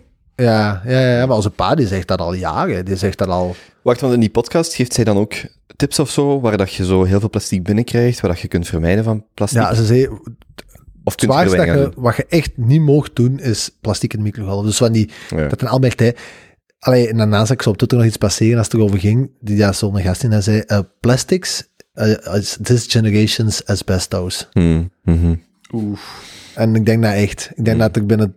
Wacht, Ik ga nu de komende jaren... eh, wacht, en je zei plastic in de Ja, microgolf. in Albert Heijn is het toch van die stoombakjes. Dat je Ja. gewoon van bakje uit een Albert Heijn haalt en in een, in een microgolf zet. Dat is, dat is echt iets, dat, is, dat, dat maakt u kapot. Ik ken iemand die al jaren enkel dat bijna, bij wijze van spreken eet. Ah ja, ik ook. Ik weet hoe dat jij Ik bedoelt. denk dat ik weet Ja. dat we het over dezelfde hebben. Misschien eens tegen die gast zeggen van, let Oei, op oei.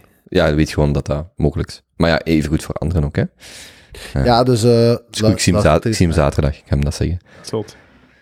Hmm. Oh, maar dus, dus ik, wil wel, ik wil dat wel echt eens laten meten. Allee, al gewoon voor uzelf, hè. Niet om eh, van elkaar te drinken, maar zo gewoon... Maak eh, jij een afspraak voor ons alle drie? En, dan gaan we samen zaad, zaad ziekenhuis. laten keuren. Ja, oké, is goed. Maar ik meen het, als dat van ons één van ons drie echt onder de vruchtbaarheidsniveau ligt, dan is wel... Maar je kunt daar toch aan werken? Ja, je kunt daarbij, ik wou dat... Pardon, dat wil ik nog zeggen, en dan zal ik erover zwijgen. Ja, Ehm, super interessant. Eh, zij haalden een voorbeeld aan, want ze zei ook van, ja, dat is weer zo'n typisch eh, eh, onlogischheid in de maatschappij. Ze vroegen aan Rowan, waar denk je dat mannen het slechtste zaad hebben? In Amerika, in, de stad of in de natuur, als je op een boerenbuiten woont. En hij, ja, sowieso het stad, luchtvervuiling en zo, noem maar op. Hmm. in Amerika, eh, op het platteland, omdat daar wonen te- rond de velden.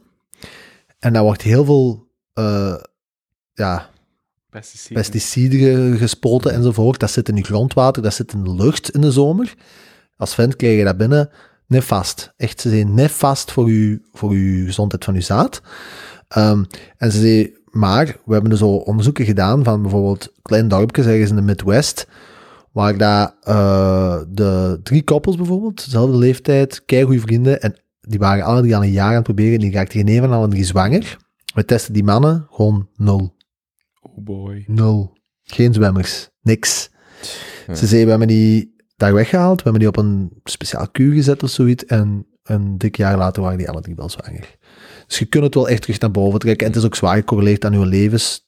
Dus één ieder kan dat laten testen. Ja. Zalig, ja. En ook nog iets wat ze zei, en het, is wel veel, ook, het is veel erger ook in de, allee, veel erger. eh, de States gaat er veel losbandiger mee om als de EU. Hm. De hoeveelheid aan plastieks, de verschillende typen aan plastieks, plastics die daar in, in, in voeding en zo worden gerapt, ja, de States gaan er veel losser in, Hm. freedom, dan eh, de EU. De EU staat het allemaal veel harder onder controle. Zotjes. Maar ja, Dus als we minder dan 44 miljoen hebben, zitten we bij de 50% minder, ehm eh, hoe heet dat, vruchtbare. Nee, 44 is een norm, hè. Als Dat is het gemiddelde. Dat is het gemiddelde, zo heb ik het begrepen. Dus Nee, minder dan 44 is...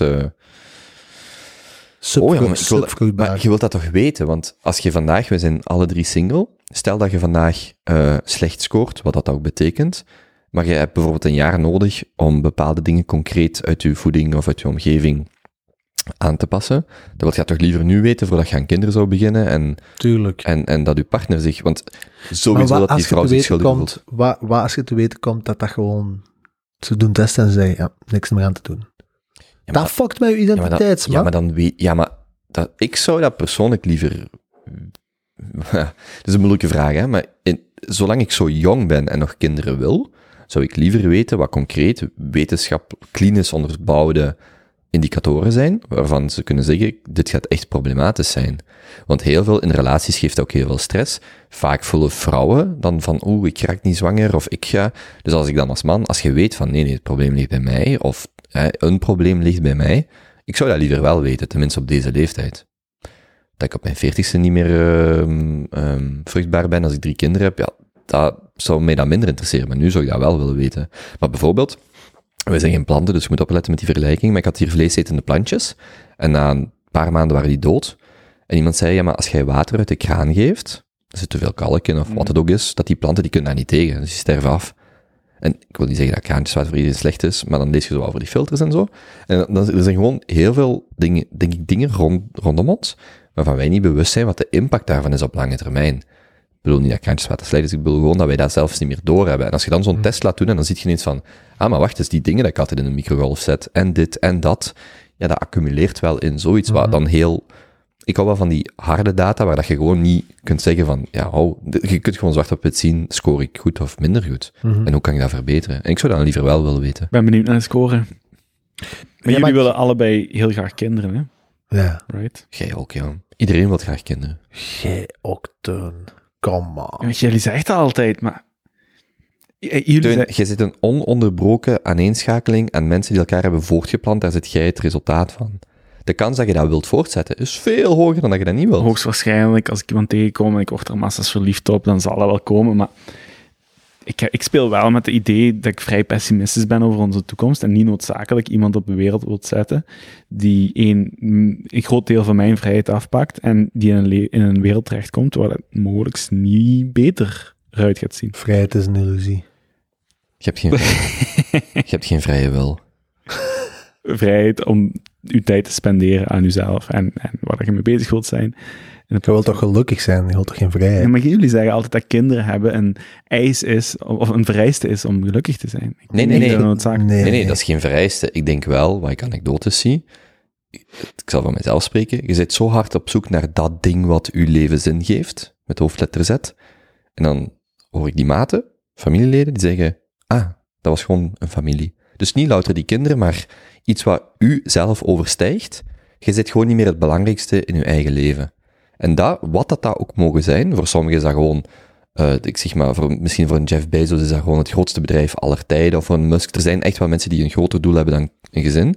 Maar voor 99% van de gewone mensen, gelijk jij en ik, geloof ik echt wel dat er niks u meer, u meer uit uzelf kan duwen dan een eh, kind. Maar ik bedoel daar meer mee nog een familie. Hm, Ja, ik, ik, ik snap dat dat voor velen een piste is, maar ik denk dat er nog pistes zijn om dat te vinden als je jezelf wilt overstijgen dan kinderen te maken. Mogelijk. Het probleem is dat je gewoon gelimiteerd bent in de tijd.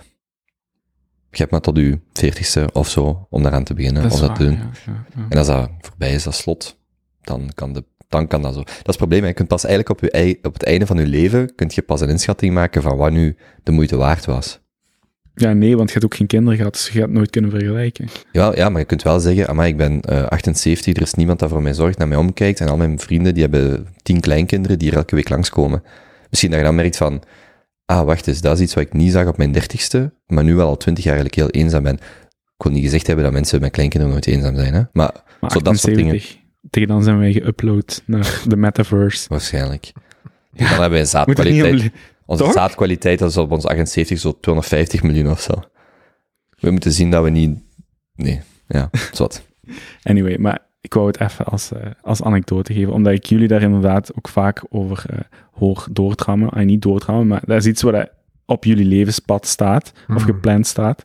Ehm, en ehm, ik denk dat er ook mensen zijn die er anders over nadenken. Sowieso. Maar ik snap ook volledig dat dat een bron van geluk kan zijn. Daar ben ik, Hmm. daar ben ik het vo- volledig mee eens. Dat wel. Maar ik denk dat het alternatief ook kan. En ik Hmm. zie het ook rond mij. Dus. Ik ben sceptisch. Maar... Ja. Dat is zo... We zien dit. Ik heb het denk ik al eens gezegd. Is zo, de vraag kun je ooit verteld van een gast bij het werk die dan zei... Ja, het kan zijn dat ik ongelijk heb, maar die kans is wel echt heel klein. dat, is hem. Wat? dat is wat hij juist zei. Dat is echt dat toch, hè? Ik ben sceptisch. Ja. Ik ben sceptisch. Zo dan zo die lichaamstaal. Dat is echt dat, hè? Het kan zijn dat ik fout heb. Maar die kans is wel echt heel klein. Ik ga me daar voor de rest niet over uitspreken. Ja. Ah, ja. ja. Zo. Hey. Oké. Ik vind dat heerlijk. Dat is, goed. Dat is, dat is mooi. Zo voor zo'n stapel, zo voor zo'n, voor zo'n wand aan literatuur let hem hevig Ogbert. Ja. Ja, Ja. ja. Oké, ik, heb nog iets, eh, ik heb nog iets tofs gehoord. yes. Ehm, ik ben al een tijdje. eh, India staat eigenlijk steeds meer op mijn radar.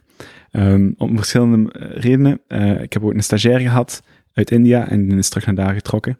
Eh, en die is zich daar volledig in de creator economy aan het smijten. Dus die, die doet freelance werk. Ehm, Balaji heeft er dan over geschreven. Ehm, en vandaag hoorde ik ook eh Raoul Paal erover babbelen. Het concept dat India ons wel eens zou kunnen leapfroggen. En leapfroggen, voor, voor, als, als, dat een, als een nieuwe term is, is eigenlijk het concept ehm, waarbij dat ontwikkelingslanden of landen die nog niet zo ver staan op vlak van technologie en industrie als, als de westerse wereld, dat die omwille van de toegankelijkheid van technologie plots een hele grote stap kunnen overslaan in hun ontwikkeling of ons kunnen voorbijsteken. En dat is- het ziet er naar uit alsof dat is aan het gebeuren in India. Ehm, die mannen zijn ondertussen met 1,3 miljard eh, inwoners. Evenveel als China. Ja, inderdaad. En En- demografisch veel beter gepositioneerd. ja, ja, absoluut. Veel jongere bevolking. Ehm, en het ziet er nu opnieuw wel naar uit alsof ze hun boeltje daar niet op orde hebben, maar de tij- wat er de laatste tijd is aan het gebeuren, toont het, het, het omgekeerde aan. Ehm, ze hebben daar India Stack opgericht Hmm. in eh, 2010. En India Stack staat eigenlijk voor een technologische revolutie waarmee ze de inwoners van India ehm, toegang willen geven tot allerhande services op een cashless, presence-less, paperless eh, manier. En er ook voor kunnen zorgen dat iedereen eigenlijk ehm, veilige toestemming kan geven eh, op het gebruik te maken van bepaalde financiële of, eh, of andere diensten. En dat zijn ze dan toen met ehm, een, pa- een, een aantal softwareprotocollen. Een daarvan is Aadhaar. En Aadhaar is eigenlijk een biometrisch ehm, identiteitsprotocol dat jij kunt beantwoorden of, of toestemming kunt geven om toes- om, toe te voegen aan bepaalde diensten eh, met behulp van uw eh, fingerprint of iris scan. Dus eh, dat, is een, een vrijwillige dienst. Iedereen mag daar vrijwillig aan deelnemen. En je kunt op die manier eigenlijk mini-leningen aan, aangaan. Je kunt u Via een e-scan. ja, via je iris-scan. Je kunt leningen aangaan. Je kunt eh, een mangolassi betalen in de straat. Je kunt eh, verzekeringen afsluiten. Je kunt daar je KYC, dus Know Your Customer, details Hmm. aan toevoegen. Zodat we eh, ja, een bankrekening kunnen openen. Misschien gewoon kort aanvullen. Die India-stacks zijn eigenlijk zogezegd een reeks van API's, publieke API's, waardoor dat Aadhaar bijvoorbeeld is dan een zogezegd een, eh, een eh, personendatabase. Simpel gezegd, ik, ik, ik log mij daarop in of ik, ik geef daar één keer al mijn data.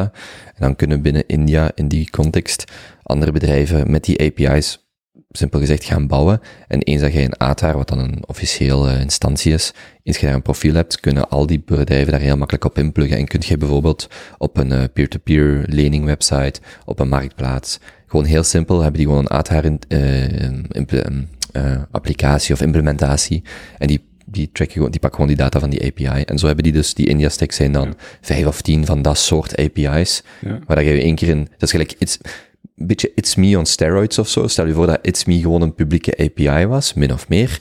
En ineens kan alles en iedereen daarop inpluggen. En, je Dat is hebt- een- en iedereen heeft It's Me om zich te verifiëren. Dat is een heel goede vergelijking. En ze hebben dan ook hun 500 eh rupee notes en hun 1000 rupee notes eruit gesmeten, zodat iedereen ook be- gebruik begint te maken van hun eh, UPI. En UPI is dan een Universal Payment Infrastructure, die daar ook aan Mhm. gekoppeld is onder India Stack, Ehm, waardoor dat je je industrie echt de bouwblokken geeft om heel snel te gaan schakelen. Allemaal open source. Ja. Daarbij, en dat is dan een tweede punt, één India Stack, twee is Indische, eh, dus eh, Indiërs zijn de grootste datagebruikers ter wereld. Eh 1 gigabyte mobiele data kost 0,0 cent, 0,06 cent in India. Hmm. Dus je betaalt 6 cent voor een gigabyte aan data. En daar is ene Pipo, en die heeft in de laatste 10 jaar de volledige mobiele eh, het, het, mobiele netwerk gemonopoliseerd. Die heeft iedereen uit de markt eh, geprijsd. Die is gewoon gratis data beginnen te, te stuwen. Eh, die heeft 18 miljard aan schulden gemaakt. Die is in 2019 naar Silicon Valley getrokken en die is daar gaan aankloppen bij alle grote jongens en heeft gezegd, kijk mannen, ik heb een monopolie op het Indus ehm, eh, netwerkapparaat, maar ik heb wel 18 miljard schulden. Willen jullie equity kopen bij mij? En dan gaan we samen die Indische markt dus volledig capteren. Dus Facebook, Google, Amazon, eh, Adobe Nee, nee, nee. hebben zich allemaal ingekocht in Geo. Geo is een van de grootste, zo niet de grootste speler op het uh, Indus netwerk. En ja, dat tezamen Mhm. zorgt gewoon dat je een heel, heel toegankelijke vrije markt hebt, ah, of, of een gecontroleerde markt, eh, die, die snel kan gaan bewegen. Zalig, ja. Ja. Ik, had- ik moet nu wel zeggen dat je aan het vertellen bent. Ik ben in 2006 in India geweest, voor tien dagen, van een trouw, van iemand die bij mij in Antwerpen studeerde. Dat was machtig. Ik ben dan nog, dan nog, daarna nog een dikke week met de bruid en bruidegom door, eh, door India gaan trekken. Dat was een van de beste reizen van mijn leven. Ik ga zeker ook nog terug naar India. Ik ben toen echt een beetje verliefd geworden op dat land.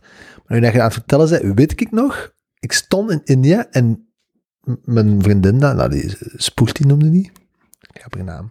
Ehm, die, eh, die was dan getrouwd en die kreeg, ik weet dat Uw nog. vriendin was getrouwd. Nee, nee, nee. Ja, nee, mijn vriendin van hier. De vriendin, allee, de Indische vriendin van hier.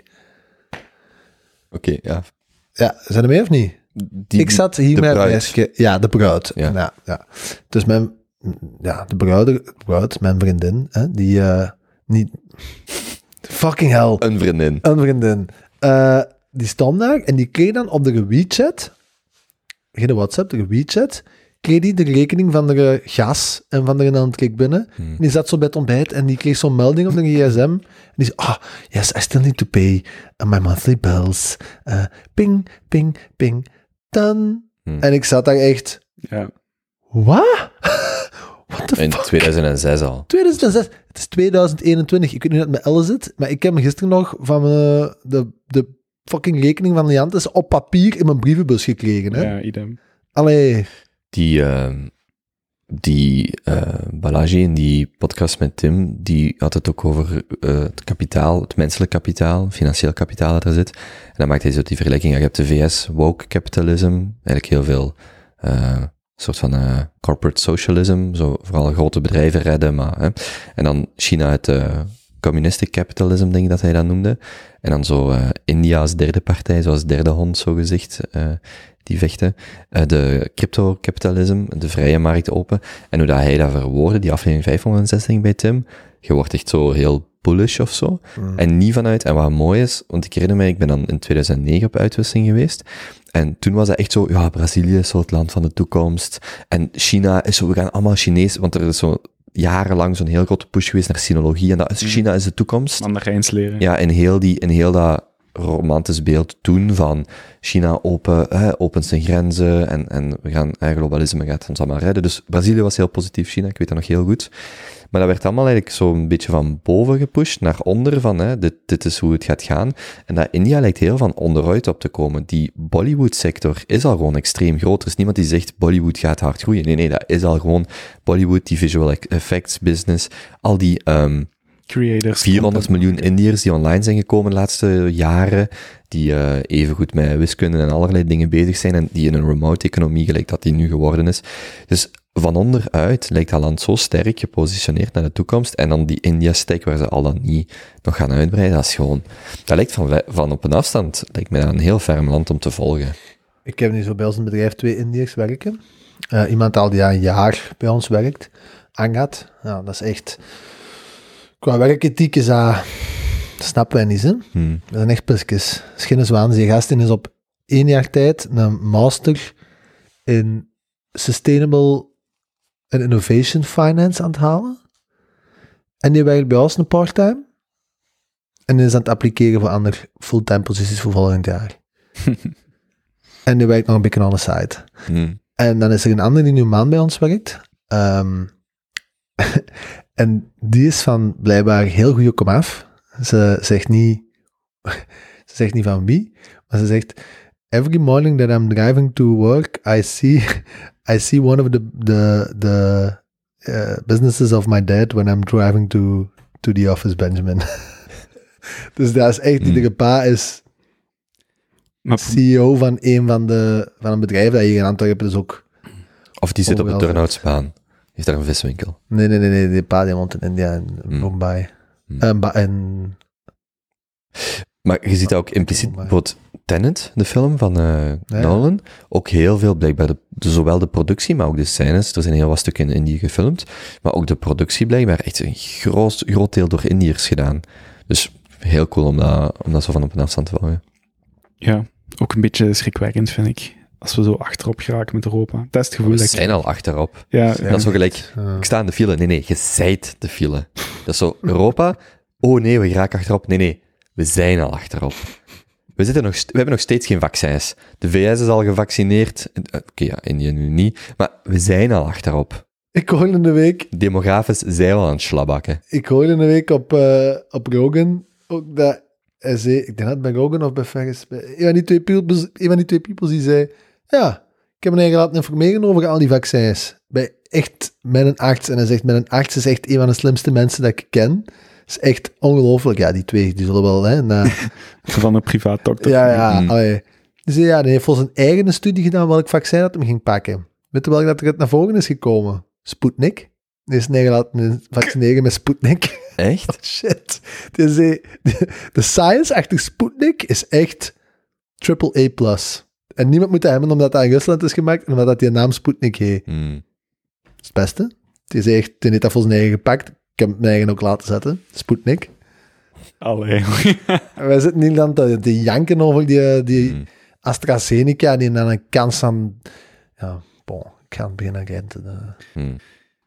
Je hebt nog. 20 puntjes, niet? Ja, dat brengt mij ook eh, dichterbij. We hebben een eh, predictie gedaan over wanneer eh, we gevaccineerd zouden zijn, allemaal Ah, ja. of eender wie. We beginnen nu in dat territorium te komen. Hè. Dat was, ik was Mij die- zei iemand, niet? ik- ja, ik was die aflevering aan het overzetten en toen kwam ik erop, dat is een paar afleveringen geleden. Ik denk begin van dit jaar. Dus, en daar staat het echt ook in de, show, in de blog, in de aflevering zelf. Maar ik ben sorry, ik weet niet van buiten welke aflevering dat is. Wat maar dan weddenschap? 0,1 BTC. dat gaat, dat, gaat, eh, dat gaat in de aflevering gezegd zijn. Ik weet het gewoon niet meer exact. Ik zal het nog eens opzoeken. Maar dat begint nu ongeveer rond deze periode. Ik denk dat mei inderdaad de eerste was. Begin je als te krijgen voor je zelfdrijvende, zelfrijdende Tesla? Nee, absoluut. Nee? Nee, nee. Maar moedig. nee, nee. Nee, Heel nee. moedig. Begint jij als schik te krijgen voor je 100k portfolio? Ah, maar jij ligt nog voor, hè? Ligt ik nog voor? Ja, ja, ja. Want Bitcoin staat al twee weken, twee maanden vlak. Dus jij ligt voor met je Tesla-allocatie. Zwat. Ja.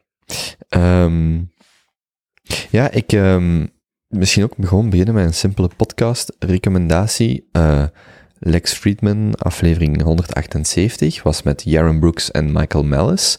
Ik had al zijn aflevering met Jaron Brooks geluisterd. Ehm, Michael Mellis had ik al van gehoord, maar nog niet nageluisterd. Extreem goede aflevering, 4 uur en half. Laatste deel gaat over anarchie, waar dat Michael Mellis eh, voor bekend is. Dan ging het meer in discussie. Maar die eerste drie uur, echt extreem goed, ging heel veel uiteraard over Ayn Rand. Want Jaron Brooks is de voorzitter van het Ayn Rand Institute. Eh, dus heel veel over eh, objectivisme, over anarchie ook een stukje, over hoe het leven staat, over de karakters in de boeken van Ayn Rand. Ik vond het echt super interessant. Echt een, een podcast die ik gewoon ja, opnieuw ga beginnen luisteren. Zo, en het was een aflevering van 4,5 uur. En Lex ook gewoon, ja, was een, was een heel aangename babbel. Echt zo'n intellectuele babbel tussen mensen die elkaar appreciëren. En, eh, maar wel op heel hoog niveau. En het ging natuurlijk veel ook over ehm, hoe dat wij in het Westen kijken naar eh, fascisme en nazisme, dat wij daar heel veel schrik van hebben. Maar zo, niemand praat over communisme, dus daar ging het een stukje over. En dan ging het over zo van die kleine dingen. Hè. Bijvoorbeeld die gast zegt ineens van, ja, er is een heel duidelijk verschil tussen fascisme en nazisme. Dat ik zo denk, ah ja, wacht, wij maken het verschil al niet meer. En dan zo, ja, ja, kijk maar eens naar Mussolini in eh, de jaren 30 en 40 van eh, Italië. Dus ik heb die een boek ook besteld over Mussolini, dat ik zo denk van, oh ja, maar er is echt inderdaad zoveel dat wij niet weten. En die gasten zijn echt op heel hoog niveau heel geïnformeerd over de dingen waarover ze praten. Ik vond het een super interessante podcast. Ehm, jullie kijken alle twee zo? Ik heb een stukje geluisterd eh, en ik vond het ook interessant, maar ik vond dat er ook wel wat veel ego in de kamer zat en dat ze Mm. af en toe zo iets te graag stechelde. Maar Mm. niveau is hoog, alleen gewoon ook veel ego. Ja. Maar wel, wel, het niveau is effectief hoog. Ja. Die Michael is ook zo'n perfecte troller. Dan gaat het zo ergens over zo, ja, zo dat er bijvoorbeeld wetten zijn in ons kader. Zo dat je bijvoorbeeld, hè, als je seks met kinderen hebt, dat je wordt opgesloten. Die Michael dan zo, oké, I'll stop doing that then. Zo echt zo, maar die zijn dan zo'n super serieus gesprek aan het voeren. En dan zit hij zo gewoon zo vier aan een stuk zo ook zo'n beetje te trollen. En in het begin is dat vermoeiend, maar ik vind die, het is gewoon, die zijn zo snel. Die Michael is zo snel. Dat is echt, ik vind dat, ja, ik vind dat heel cool. Dat iemand zo echt on the spot, zo pa, en ik denk, hoi hem gast. Dus dat is wat jij ambieert met die stoemopjes vanavond, hè? Nee, niet ambiëren. Bij hem is dat echt... Ik weet dat ik dat kan, maar bij zijn, hij is gewoon nog tien keer... Tien, ja, nee, nee. Goeie mindset, Jan. Ja, hij is gewoon nog tien Goeie keer mindset. meer ingelezen of zo. Dus die, die, die is gewoon aan vijf dingen tegelijk aan het denken. En ineens ziet hij zoiets en dan is dat gewoon... Wat houdt u tegen hem ook tien keer meer ingelezen te zijn? Ja, maar hey, sad story. Dat is toch... Ik vind dat echt grappig. dat gewoon bij mij zit dat nog zo in dat oppervlakkig laagje, zo van... Hmm. Flauwekul. Dat moet nog wat rijpen. Ja, ik moet nog zo wat afschaven, Hmm. zodat er meer zichtbaar is. Hmm. Ehm, maar dus die. Dan heb ik ook een, een leuke statistiek, omdat wij heel, vaak- heel vaak, of hè, we praten wel vaak over de VS en zo, hè, grote bedrijven en Elon Musk. En ik, ik zag een statistiek voorbij komen eh, uit, een, uit een studie van een denktank Minerva door eh, Yves Marx en eh, Kuipers. De verdeling van de vermogens en schulden in België. En eigenlijk de reden waarom ik het graag vandaag wou aanhalen, is omdat we zijn allemaal vrij grote fan van Shamath, Palyapatia en de All-In podcast. En een van de ideeën van Shamath is om de ehm, wealth inequality op te lossen, is door kinderen, wanneer dat die geboren worden, bijvoorbeeld 2000 dollar dan, eh, de S&P 500 eh, te kopen. Maar eigenlijk het principe is dat je mensen eh, laat participeren in de financiële markten, die veel hard, dus dat je mensen eh, ownership geeft, eigendom geeft, want eigendom is de manier waarop dat je eh, kapitaal behoudt of uitbreidt. En ik dacht altijd, ja, in de VS is er een heel hoge concentratie en is dat een vrij goed idee. En toen zag ik de cijfers van België. Dus, ik zal misschien even kijken hoe ik het best ga vragen. Dit stond erbij. Hoe is het vermogen in beursgenoteerde, beursgenoteerde aandelen verdeeld? De helft van de Belgische bevolking bezit samen minder dan 4% van de waarde van bijna alle aandelen in, van, in handen van particulieren in België. De rijkste 5% bezit bijna 60%. Dus 40% van de aandelen, 95% van de Belgen houdt maar 40% van de aandelen. En de helft, dus hè, houdt maar 4%. Dus zelfs in België hebben wij helemaal, en ik, dat ik, ik was er wel van verbaasd, nu, dit gaat over beursgenoteerde aandelen, dus het gaat niet per se over KMO's en daar aandelen. Dus ik dacht dat wij nog veel meer ook een cultuur hadden van eigendom, van participerende aandelenmarkt, maar dat is dus totaal niet. Want hier blijkt dus dat, dat 95% van de Belgen maar 40% van de aandelen bezit. En ik vond dat echt opmerkelijk. Ik dacht dat dat, dat, dat veel hoger zou zijn. Dus de armste 50%, dus letterlijk de helft van de mensen die je op straat ziet, heeft maar 4% van de aandelen uh, in België. Ik verschiet er persoonlijk niet zo van. Dat gaat toch ook vooral over een informatieongelijkheid, over hoe dat je zelfs aan die aandelen raakt, die beheert, dat onderhoudt, daar een strategie rondop. Ja. En dat wordt nergens geleerd. Tenzij dat je eventueel economie hebt gedaan in het middelbaar, wordt dat misschien wel eens aangehaald. Of dat je ouders ermee bezig zijn, maar mhm. anders komt je dat niet tegen. Er is ook iets waar, met dat je dat zegt, waar ik aan denk. Uh, je zou deze cijfers moeten leggen naast de, Bel de Belg met de baksteen in de maag. Ik kan mij voorstellen dat de cijfers qua huiseigendom of kapitaalsopbouw in bijvoorbeeld huizen, zeker als je vergelijkt met Hollanders, die dat totaal niet hebben, of heel anders hebben als ons, dat je dan ziet dat wij, het is niet dat wij, want als ik het nu net zo vertel, dan lijkt het alsof wij geen vermogensopbouw doen. Ik denk dat wij dat gewoon veel meer in uh, bakstenen doen dan in uh, aandelen. Het spaarboekje, hè? Ja. Er staat is 200 miljard staat. We zijn ja. eigenlijk de meest sparende land ter wereld. Dus zo, mm. Dat is ook waarom dat wij qua schulden tussen Italië en, en, en de rest staan. Maar ze zich over ons geen zorgen maken. Want als ze echt geld mm. nodig hebben, ja, dan gaan ze het halen bij de burgers. Hè. Mm. Er zit zoveel geld in België. Maar dat is zo erg, want er is, dat is zo snel veranderd. Gelijk, ik heb recent een nichtje erbij gekregen. En dan vertelde mijn zus dat de Peter ervan, zo heeft gezegd, ja, en ik ga elke maand 50 euro sparen voor mijn petekindje. Sparen. Op de spaarrekening. en dan denk ik, ah, dat, is, dat is echt nog hetgeen dat er in een Belgische hoofd zit. Hè? Mm. Dat is hetgeen dat je nu, dat is hetgeen dat je moet doen. Hè? Zet het op de spaarrekening. Maar dat is op een jaar tijd helemaal onderuit gehaald. Hè? Compleet, hè? Ik heb één eter gekocht voor mijn petekindje. 171 euro. Die is, twee jaar geworden dit weekend. 3000 euro. Ik zeg ook altijd tegen iemand, koop, maar koop, of koop een tracker of zo, maar je gaat toch niet gewoon geld sparen, 18 jaar op een rekening? Kun je beter naar buiten pissen? Ik wil, maar, ik wil maar zeggen, dat is hetgeen dat er in een Belgische hoofd zit, hè? Ja. Dat is erg. Het gaat nog even duren eer dat iedereen dat door heeft, toch? Dat gaat nooit gebeuren, dat hoewel iedereen dat door heeft. Hoewel die technologie net wel dat wat meer nivelleert, hè? Als je bijvoorbeeld vroeger, maar zelfs maar 10, 20 jaar geleden, gelijk iets gelijk Bolero, pak pre-Bolero, ik weet niet hoe lang dat, dat bestaat, pak 10 jaar, dan moest je al naar je bank bellen, je moest enorm veel transactiekosten betalen, dan moest je al weten welke fondsen dat je wou, terwijl nu, iets gelijk de Giro met de kernselectie trackers of zo, mhm. dat is geen instapkosten, geen uitstapkosten, geen beurskosten, dus je kunt op de Giro echt voor 10 euro gewoon IWDA of een of ander fonds of, of, of GameStop of whatever kopen, en er is wel een hele generatie nu die daarmee opgroeit, dus ik denk, ben daar wel optimistisch over. Maar ik vind die cijfers wel echt absurd, allee, eigenlijk heel laag. Daar is wel echt iets aan het gebeuren, hè? want gelijk, ik zag het, dat ik nog passeren in, uh, op Twitter. De meest gedownloade app vandaag in Amerika is Robinhood, hè? Mm, ja.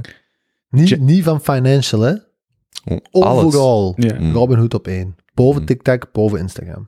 Mm. TikTok. TikTok. Ja, hij had het zelf niet.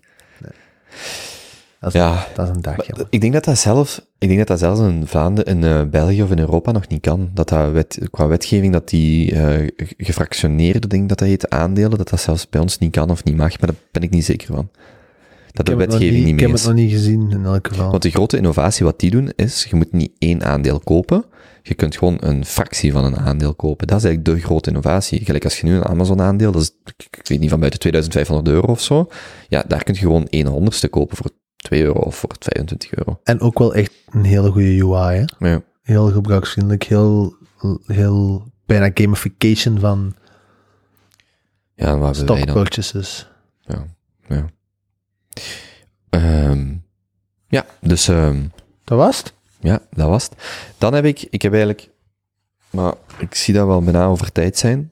Ehm, ja, ik had dus de Amazon Shareholders Letter een beetje voorbereid, maar ik kan die ook voor volgende keer houden. Want dat is wel iets waar ik zo, dat is een mini-exposé, dus ik heb daar wel een, een aantal eh, minuten voor nodig. Maar dat zal ik, ik zal dat voor volgende keer houden. Oké. Zullen we proberen een lightning round te doen, jongens? Ik had ook wel, wacht, mag ik nog één ding, want dat wou ik daar straks eigenlijk al. Vraag 5 is, heb je recent een nieuw persoon ontdekt die interessant genoeg is om te delen? Ik had eindelijk een antwoord.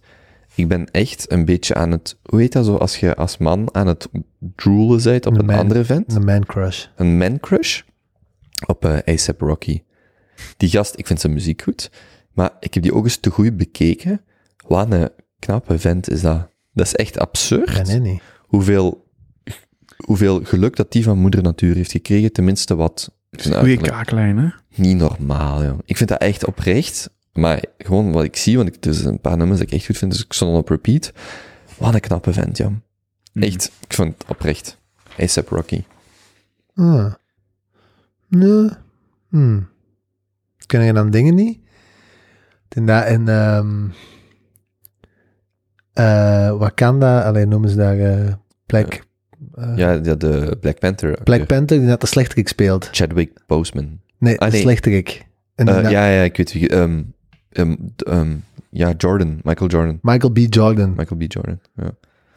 Dat vind ik een ferme vent. Maar die is zo te bullebak of zo. Die is zo heel in your face. Lijkt Huh? die, hè? Maar dat is inderdaad. Ja. Allee, maar dan heb je iets om aan te denken als we ons zaad gaan laten testen. Oh ja, ik. ehm, Maar nee, als het echt daarom gaat, dan denk ik aan u, hè? Oké. Allee, je hebt zo nog zo'n babyhuidje. Allee. Fucking hell. Wat een rollercoaster toch, die afleveringen. Ja. Dat is echt... Ja, dat vat het echt samen, hè. Mhm. Van, dat vatten het echt samen. Die vijf minuten vatten het echt samen. Van, van Belgen houden maar 4%. van het spraakboek Houden maar 4% tot, aan. tot zaadlozingen. En ja, bon, oké. Goed. ehm, probeer een lightning round te doen. Ja, ik heb iets nog- voorbereid. Oh, Lightning, je hebt iets voorbereid. nee, we hebben nog zeven, we hebben vraag drie en we hebben zeven minuten. Ah ja, oké. Ik heb ook nog een verhaal van een luisteraar dat er nog even uit moet komen of die gaat teleurgesteld. Dus vraag 3. Welk nieuw verhaal heb je recent horen vertellen dat goed is om aan te brengen in een conversatie? Ik, kan er, ik heb er twee, maar ik zal er dan één zeggen. Kwestie lightning round. Ik zag dit passeren op Twitter. Tesla has now made more money by holding some Bitcoin than in 13 years of selling cars. Waarom denk jij dat wij geen auto's verkopen?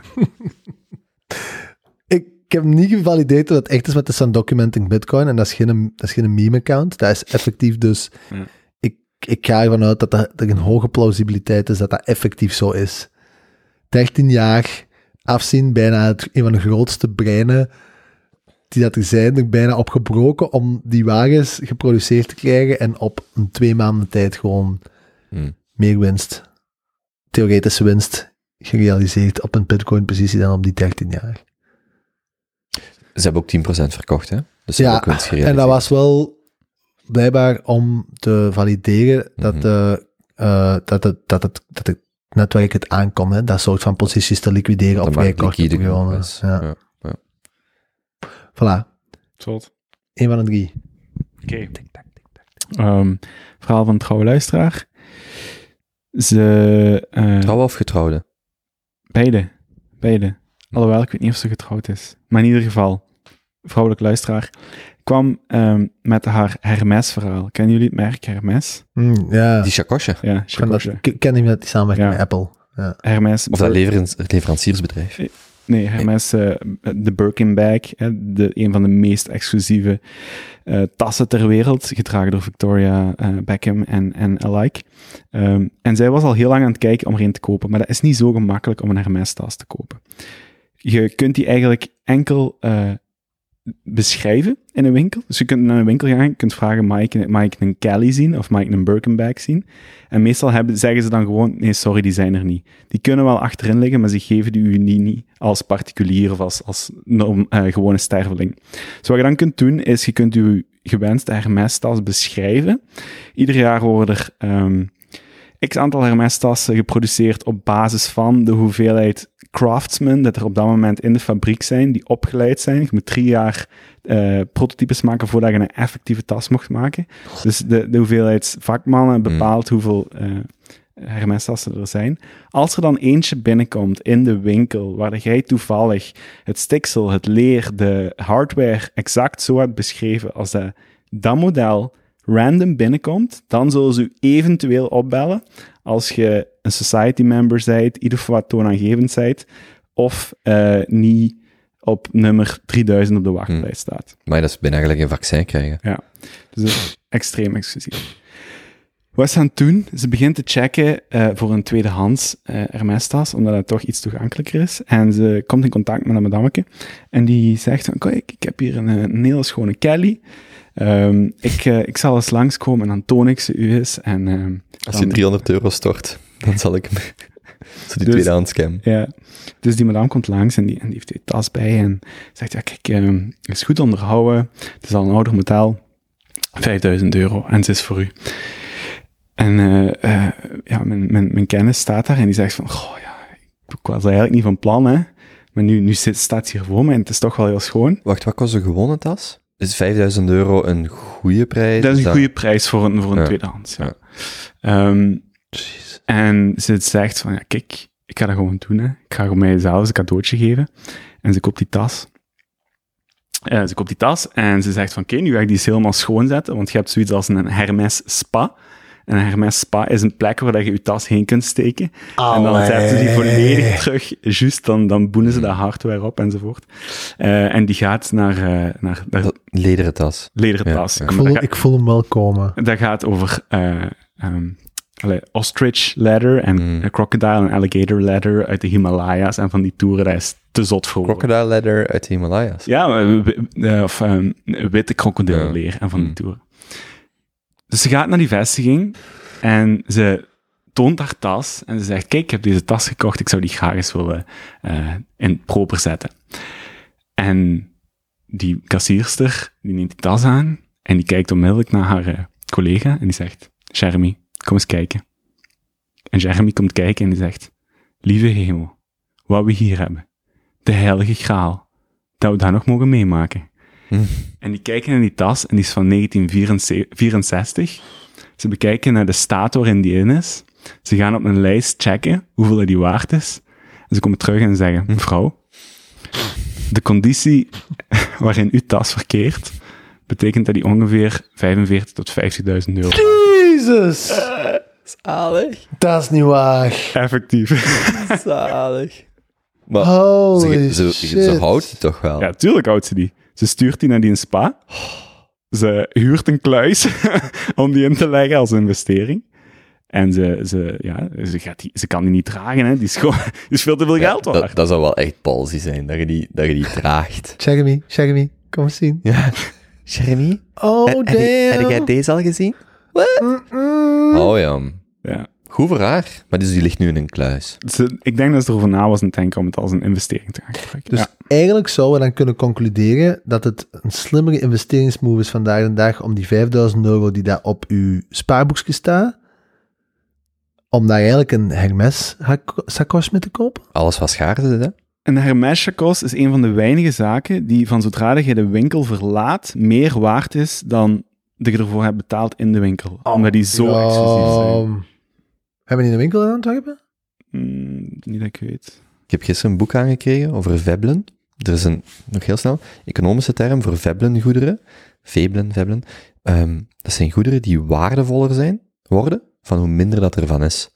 Dus bijvoorbeeld bepaalde sportauto's. Anti-fragile, Ja, maar dat gaat meer over dynamische systemen. Bijvoorbeeld als supply en demand, hè, hoe meer demand van iets is, hoe groter de supply en de prijs van het equilibrium. Maar bepaalde auto's die zijn zo, hè, daar worden maar tien stuks van gemaakt, dus die prijs gaat veel hoger. Je zou denken als er een elfde van gemaakt, zakt die prijs, maar nee, die gaat nog hoger, omdat dat zo, zo specifiek is. En Fablin. ja, E V-E-B-L-E-N. Want ik heb juist een biografie hier gekregen. En dat is een heel, juwelen zijn typisch zoiets. Er is er maar één van. De Mona Lisa is het typisch een Veblen goed. Er is maar, of nee, ik moet zeggen, Leonardo da Vinci is een oeuvre. Elk werk wordt net meer waardevol. En eh, van, dat ze nog ontdekken van hem, bijvoorbeeld. En ehm dat lijkt ook zo, allee, omdat je dat net zei, dat wordt Mhm. waardevoller van zodra je er eh, buiten gaat. Oké. Ik dacht al dat die zou opgelicht zijn of zo. Ja, het 5000 twee kanten uitgaan, hè? Ik dacht dat ze dat opgelicht was. Ja, Oké, is goed. Dat is, dat is, dat is goed geteld. Goed gedaan. goeie aanteun. Oké, verhaaltje? jongens. Het was eh, kort, krachtig, maar Op de ik, vond wel, ik vond het wel aangenaam. Pets, ja, het ging weer zo uh, alle richtingen uit, hè? Ja, mooi toch? Ja, een beetje, beetje gelijk je seksleven. De...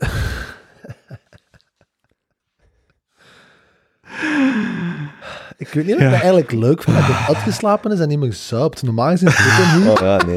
Normaal gezien zit hij niet met waterton in zijn ogen, half Oh, ja. besopen, 30 voel kilo mij- overgewicht. Ik en voel nu is mij hij echt gewoon... goed, Jan. Nu Wacht maar, die- die- geef die mij nog een jaar. Die straalt. Ik ben 12 kilo afgevallen ten opzichte van die foto Maar van hij straalt wel Augustus. Hij effectief. straalt, hè? Ja. Ik voel mij goed, Jan. Mannetje, tegen dat hij, op, tegen dat hij niet volgende week op een terras mag gaan zitten, die Antwerpse vrouwkes, Jan. Nee, nee. Jij hebt eigenlijk ook echt een rollercoaster afgelegd, hè, deze jaar. Maar ik zit goed in mijn vel. Nee, ja, zat. Nee, Zeg het, Jan. ik zit goed in mijn vel en nog beter in dat van iemand anders.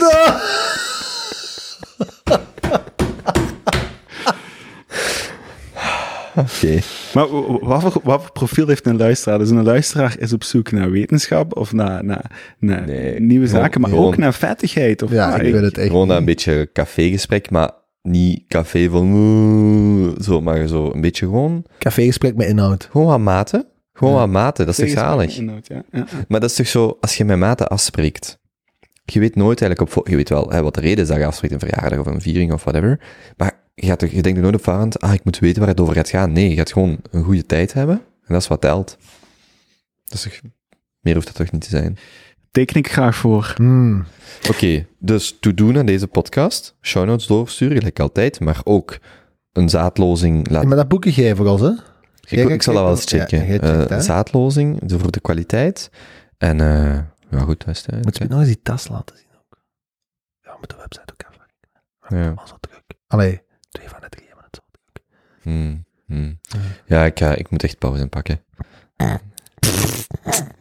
Gaat jij nog maar wat pauze pakken, jongen? Jongens, het was, eh, het was heel gezellig. Nog een beetje EMS, EMS, ASMR voor af te sluiten? Doe maar, Benny. Mijn collega's luisteren ook. Kom, moet ik nou iets zeggen?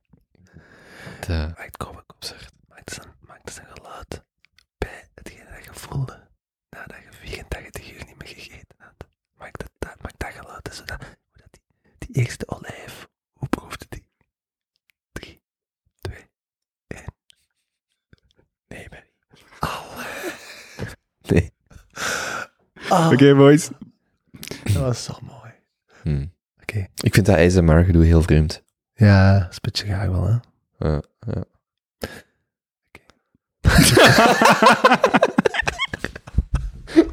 Ciao, kus. Yo.